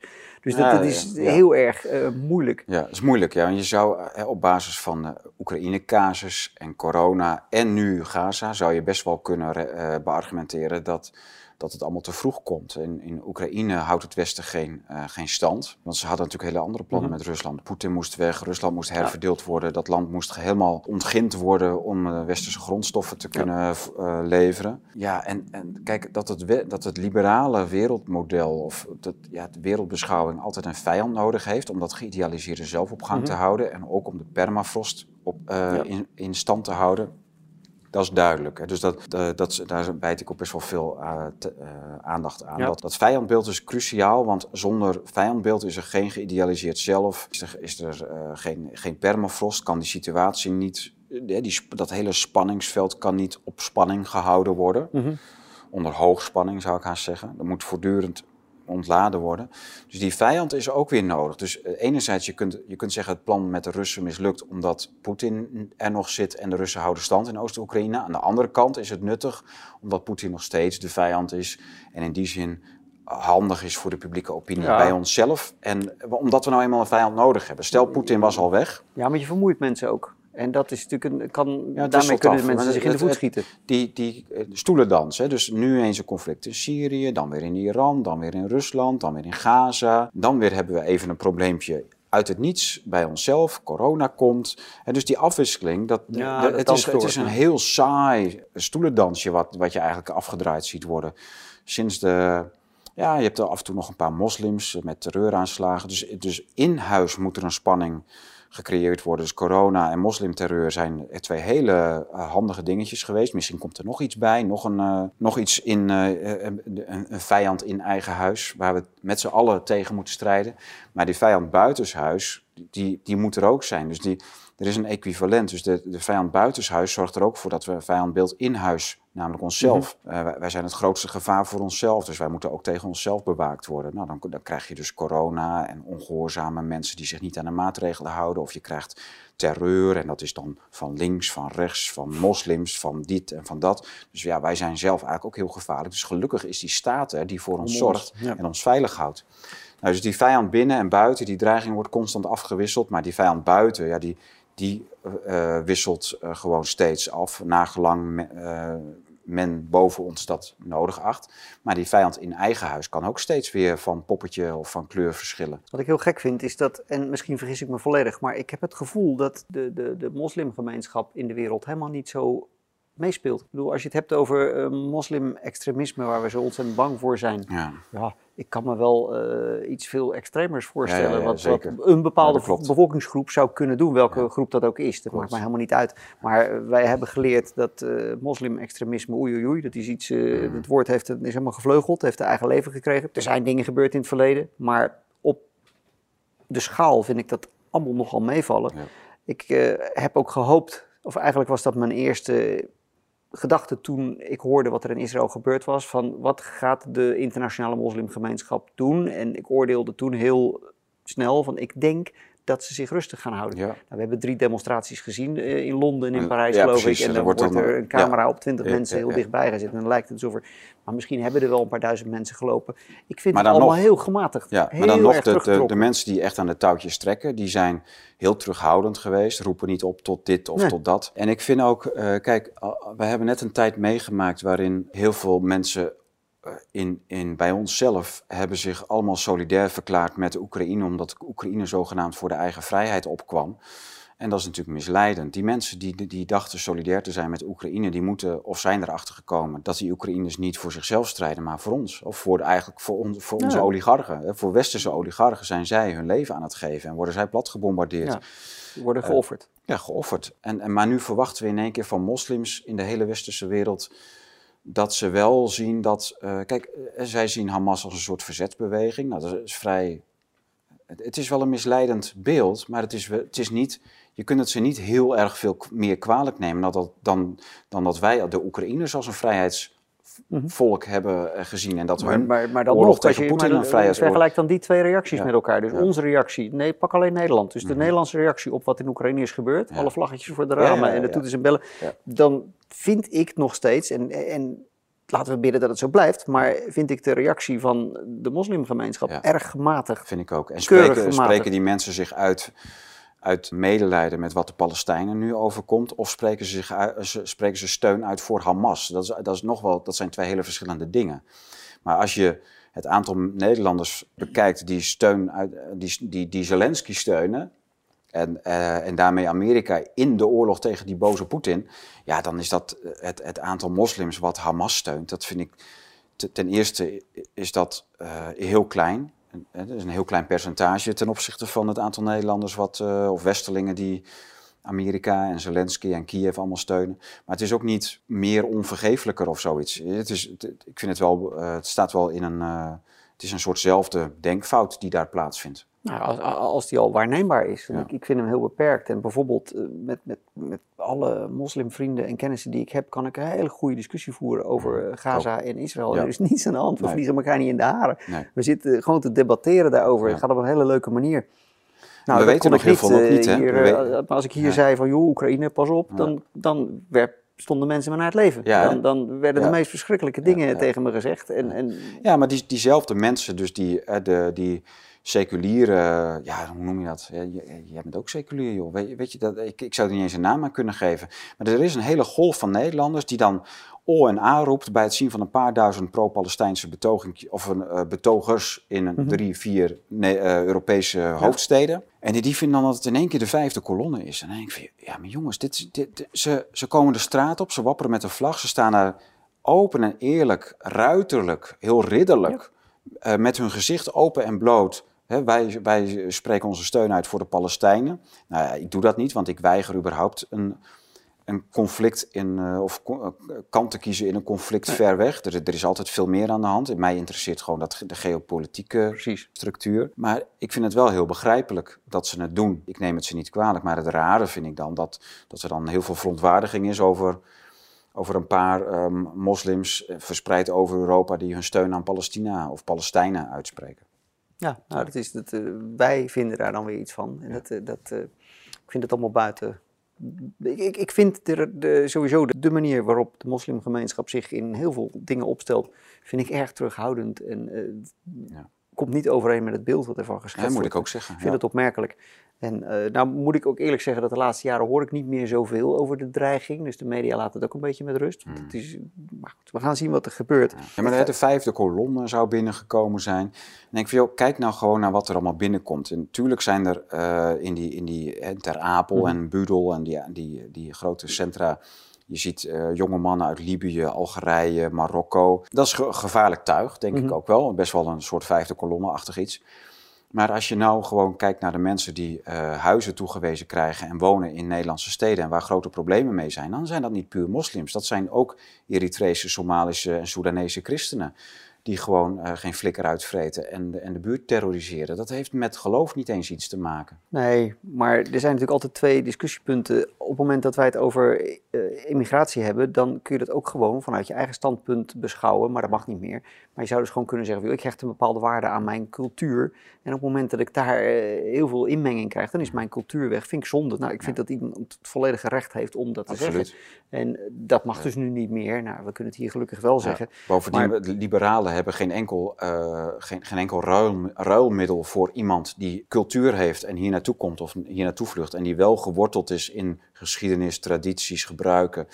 En, die- en die zegt, en, en dan komt er een liberaal naar hem toe van ja, maar je moet het wel allemaal laten vallen. Ja, eh, voor wat dan? Ja, wat wat heb je mij te bieden aan, eh, aan tradities, cultuur, gebruiken? En, ja, niks. Moet los. gewoon, ja, moet gewoon met een biertje in de hand s'avonds naar de Ja. tv kijken.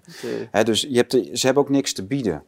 En, en dat, dat is natuurlijk, eh, dat staat in schril contrast met, met, met die, die hordes mensen die hier dan zogenaamd naartoe zijn gekomen. Tuurlijk zit er tuig bij, tuurlijk zie ik ook dat het allemaal eh, jongens zijn in een, in een militaire leeftijd, zou ik dat zomaar zeggen. Dat is, dat is ook gevaarlijk, dus die grenzen moeten ook dicht, Nou, dat vind ik ook. Alleen de echte vijfde kolonne, die is al lang binnen. Ja, en dat zijn natuurlijk de mensen die die grenzen openlaten en Ja. die dit soort uh, permafrostachtige situaties, dus die, die afkoeling en verhittingsmechaniekjes uh, overal in de wereld besturen en beheersen. Dat is natuurlijk de vijfde kolonne, want die zit in het Westen. Dat is onze elite. Dat, zijn niet, dat is niet Poetin die dat doet. Nee, dat zijn, dat zijn onze elites, de bankiers, de grote oligarchen en, en hun politieke handlangers in onze politieke arena's. Die doen dat.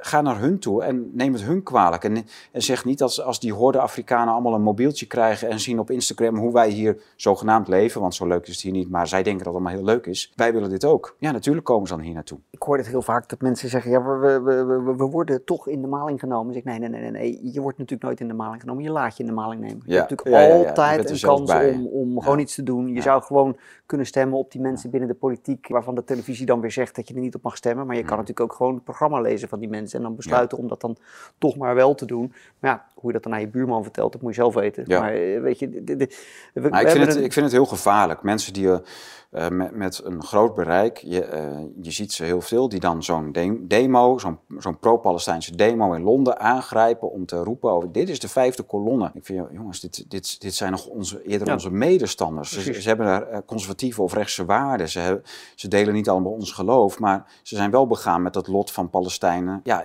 ik heb daar wat minder mee, maar ik begrijp wel dat zij er wel mee begaan zijn. Het is logisch dat ze er begaan zijn. Nou ja, ik vind het massagedrag, maar zij komen daar vandaan uit die hoek. Het, is ook, het zijn hun geloofsgenoten. Dat zijn allemaal. Kijk, ik weet dat, dat christenen de meest verdrukte geloofs.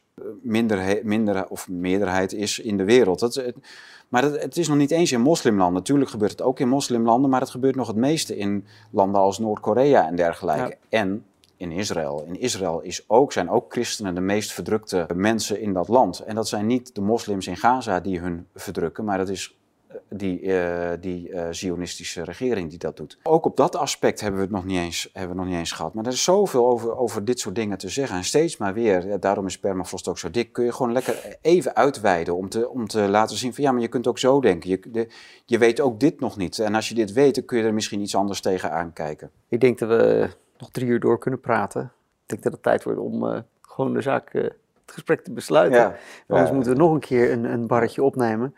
Er zijn, er zijn een miljoen dingen die ik had kunnen vragen. Dus natuurlijk niet, we hadden nog in kunnen gaan op de Hobbesiaanse staat. Op, er zijn zoveel dingen die... die, ja, die, die, het, verschil tussen natiestaat en, en rijk. Ja. Het staat allemaal uh, in het boek. Het is niet een boek dat je zegt, ik lees het op vrijdagavond even snel uit. Dat gaat niemand lukken.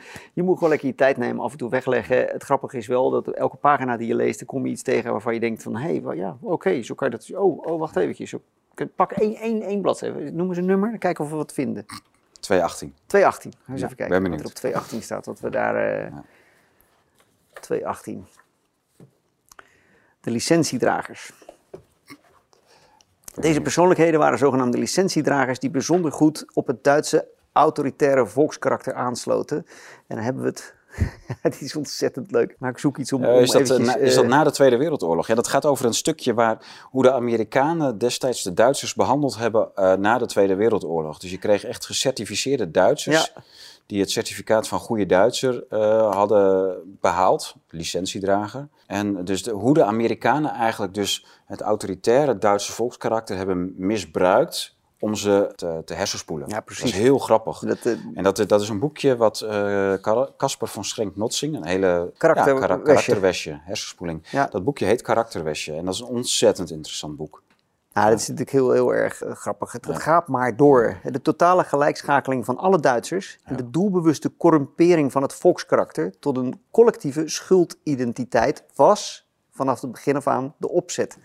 En zo gaat het natuurlijk alsmaar door. Ja, maar die schuld, dat, dat, schuldprobleem zie je gewoon steeds maar weer terugkeren. Ja, Bij eh, Duitsers nu, nu ook weer. Er is een wet aangenomen in het Duitse, Duitse parlement, waarbij, of de Bundestag, waarbij de antisemitisme en opruiing en aanzetten tot haat ook door parlementsleden in één keer strafbaar is gesteld. Dus je, je mag, eigenlijk mag je gewoon niet meer vrij in uh, geopolitieke situaties uh, denken en spreken als parlementslid, wat natuurlijk altijd zo was. Het zou moeten zijn. Zou moeten zijn. Ja, en, uh, maar ook weer met een beroep op de holocaust en het hele ja, ja. riedeltje komt er weer bij. En dan wordt er dus weer een beroep gedaan op dat collectieve schuld, ja, potentieel van de Duitsers, waar steeds weer een beroep op wordt gedaan, maar nu ook weer. En dan komt zo'n wet er, gaat er in één keer door, want Stel je maar een parlementslid voor die dan denkt van ja, maar hier moet ik tegenstemmen. Hè? Nee, nee, nee, natuurlijk moet je hier wel Iedereen voor gaat zijn. erin mee, Wie is er nou niet tegen jodenhaat of Doe je, antisemitisme? voldoe je niet aan je geïdealiseerde zelf. Ja. Dat, eh, dus eh, dat betekent dus dat moslims niet meer mogen eh, demonstreren tegen de bezetting van Palestijnse gebieden door Israël of zo. Wat, je, je, gaat, gaat, je gaat natuurlijk hele gekke gevolgen krijgen in, van- in de toepassing van die wet. en onze borst wordt steeds verder uitgehold. Ja, Wie schreef het Tyrannie van de Schuld? ja Pascal die, eh, Bruckner. Pascal Bruckner, ja. ja.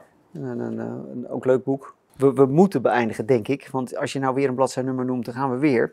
Het staat namelijk gewoon vol. Ja, eh, kijk, jij noemt de bladzijnummer en ik zit lekker te lezen in mijn eigen boek. Kijk, en dat, dat, is, dat is stiekem vind ik dat wel leuk. Ik heb de afgelopen zomer Heerlijke Platte Wereld herlezen na tien jaar. Want ik heb het in 2009 ge- eh, beëindigd. Dat was ook een werk van, van drie jaar, denk ik, dat ik eraan gewerkt heb. Eh, beëindigd, afgestudeerd in 2009 op dat boek. En uiteind- uiteindelijk is het, eh, heb ik er een hele kleine oplage van gemaakt van 100 stuks. En in 2017 heb ik het na Permafrost heruitgegeven, praktisch ongewijzigd. Eh, iets academische dingetjes eruit en zo. Maar dat dan, praktisch ongewijzigd. En ik dacht deze, deze zomer van, ja, weet je, dit is eigenlijk... Ik ben helemaal niet meer de, de, de man van toen. Ik was toen eh 8, 29 toen ik dat schreef. En kan best wel redelijk objectief kijken naar zo'n boekje wat, wat ik eh Ja. 14 jaar geleden schreef. Ik vind het gewoon een lekker boekje. En dat, dat, is, heb ik een goed idee. dat is leuk dat als, je, als ik dit ook weer pak... Ik heb het eigenlijk ook zelden meer teruggelezen. Maar ik denk van ja, het, is wel... het- ja, ik kom eigenlijk gewoon weer heel veel leuke, interessante dingen Ja, tegen. Maar ook omdat de, actualiteit is weer zo herkenbaar. Het blijft gewoon heel toepasbaar. De- Ja, het, het grit, het, het de gedachtegoed wat je, wat je zo kun je heel goed herbruiken. En, en dus ik heb het ook bedoeld, en- of ik, ik hoopte toen van ik wil een boek schrijven wat, wat je tot in lengte van tijd, zolang dit regime, dit liberale eh, regime, deze permafrost intact is, kun je dit boek toepassen.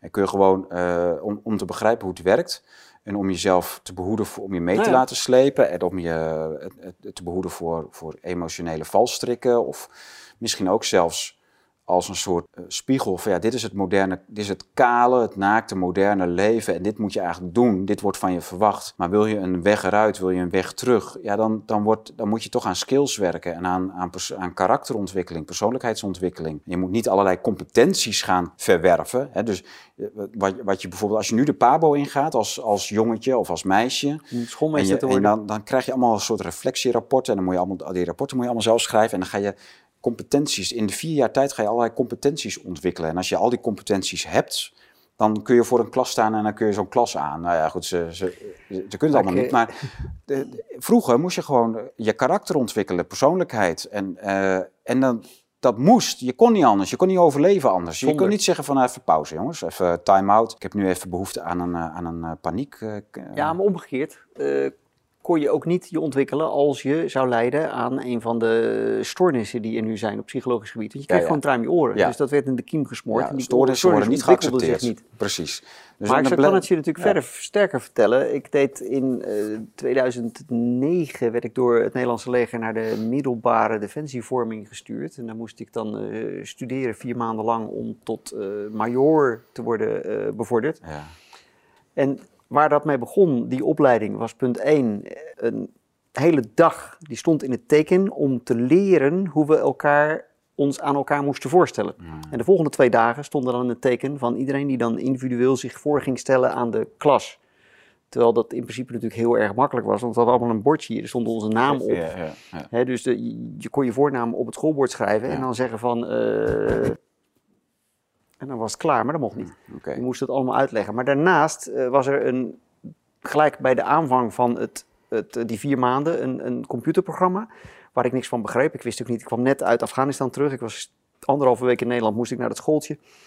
En daar moest je dan elke week je eigen voortgang bijhouden Ja. op psychologisch gebied. Dus je moest gaan aangeven wat, wat, wat de, de, de, de, de goede eh, ontwikkelingen in jezelf Ja, waar je waren. en waar nog aan gewerkt moest worden. En welke feedback je van medestudent had gekregen. En, en Ja, ik heb daar nooit een woord in geschreven. Maar mensen die dat eh, serieus nemen, die maken zichzelf kapot. Je wordt echt helemaal kapot gemaakt. Je, de- Ja, alle karakter het- gaat eruit, de persoonlijkheid gaat Je eruit. bent niemand meer. Je wordt, het- dus het karakter, de men, de, de- de- die Robert Musil roman van, van vier dikke delen, de man zonder eigenschappen. Ja. Ja, dus, dat is fantastisch. Een, een, een- een mens die dus helemaal, helemaal kaal wordt, eh, ja, je, je moet helemaal kaal binnenkomen.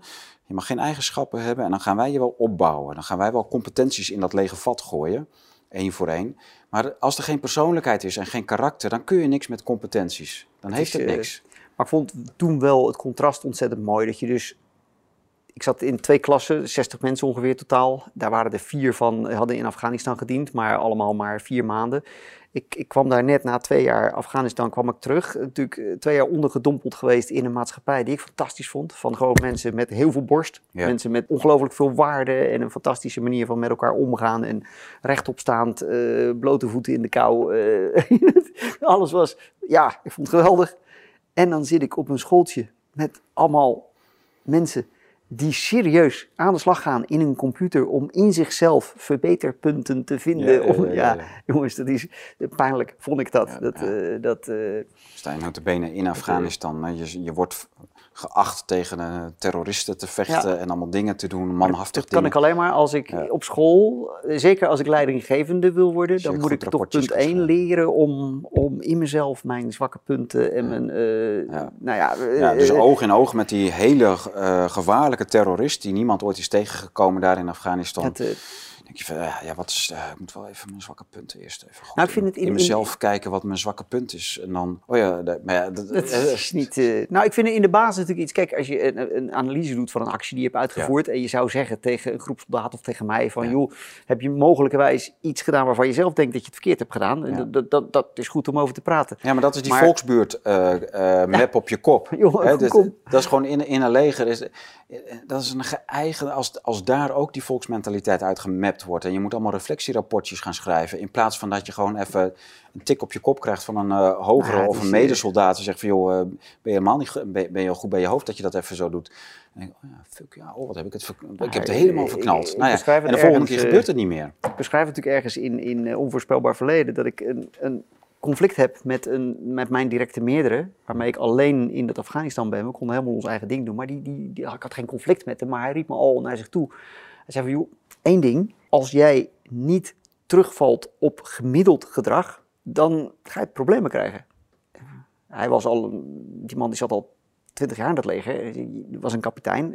Ik was toen nog sergeant. Rustig aan, gemiddeld, of je krijgt problemen. Ja, Nou, ik heb me daar niet aan gehouden, maar ik heb wel geleerd wat hij bedoelde. Mm. Hè, Dus dat alles waar je ook maar iets boven dat gemiddelde uitstijgt. Bam, en de hele kunst van zo'n leger is dus niet om iets te veranderen in Afghanistan. Dat is wat we zeggen. Er is helemaal geen behoefte op. Nee, de behoefte is gemiddeld te zijn. Borstloos te zijn. Ja, Want oh, wat erg, dan voelen we ons ook prettig. En op het moment, en jij omschrijft dat ook in permafrost, de, de, de man of vrouw die zegt van nou ja, ik heb nog wel een beetje zitten en ik acteer daarnaar, ja, die wordt ook eh, ongelooflijk aangevallen. En, Kop boven en, het en, maaiveld eh, en krijgt, gaat eh, eraf. stuk. Want dat, dat is niet de bedoeling. Ja, nou, dat heb je meegemaakt, Dat, eh, toch? ja, ja, dat- nou ja, ik, ik beschrijf er ook ergens dat mijn gevecht eh, binnen die poorten van dat kamp Holland was een zwaarder gevecht dan, dan daarbuiten. Ja. En dat is ook echt zo. Dat, eh, de seconde dat je binnenkwam, dan voelde je eigenlijk die deken van middelmaat gewoon over je heen vallen.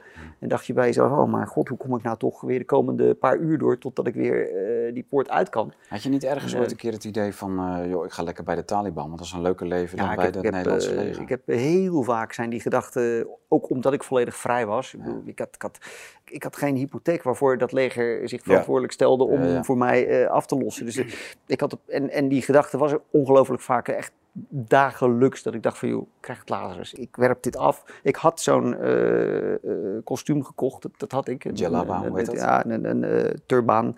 Ah. Dat, dat, dat, dat had ik. En ik, ik ga tussen die mensen leven. Dat is mijn leven. Dit, dit niet. Dit is zielig en verdrietig. En, en, en, maar goed, het, is, ach, het was een geweldige tijd, moet ik zeggen. Maar al die, die, die dingetjes, en dat vind ik dus het leuke. Alles wat ik, wat ik in dat permafrost lees, dat komt elke keer denk ik weer, oh ja, dan kan ik die situatie bij bedenken. En dan kan ik dat moment van mijn leven kan ik daar eh, bij, bij verzinnen. Dat ik tot diezelfde conclusies kwam, zonder al die eh verbindingetjes te leggen, dat radarwerk te zien, wat jij wel ziet. En dat vind ik het ontzettend leuke aan dit boek. Wat we misschien moeten doen, wat, wat ik wel leuk zou vinden, maar zeg jij maar wat je daarvan vindt. Want ik ben nu eh, De Heerlijke Platte Wereld aan het lezen.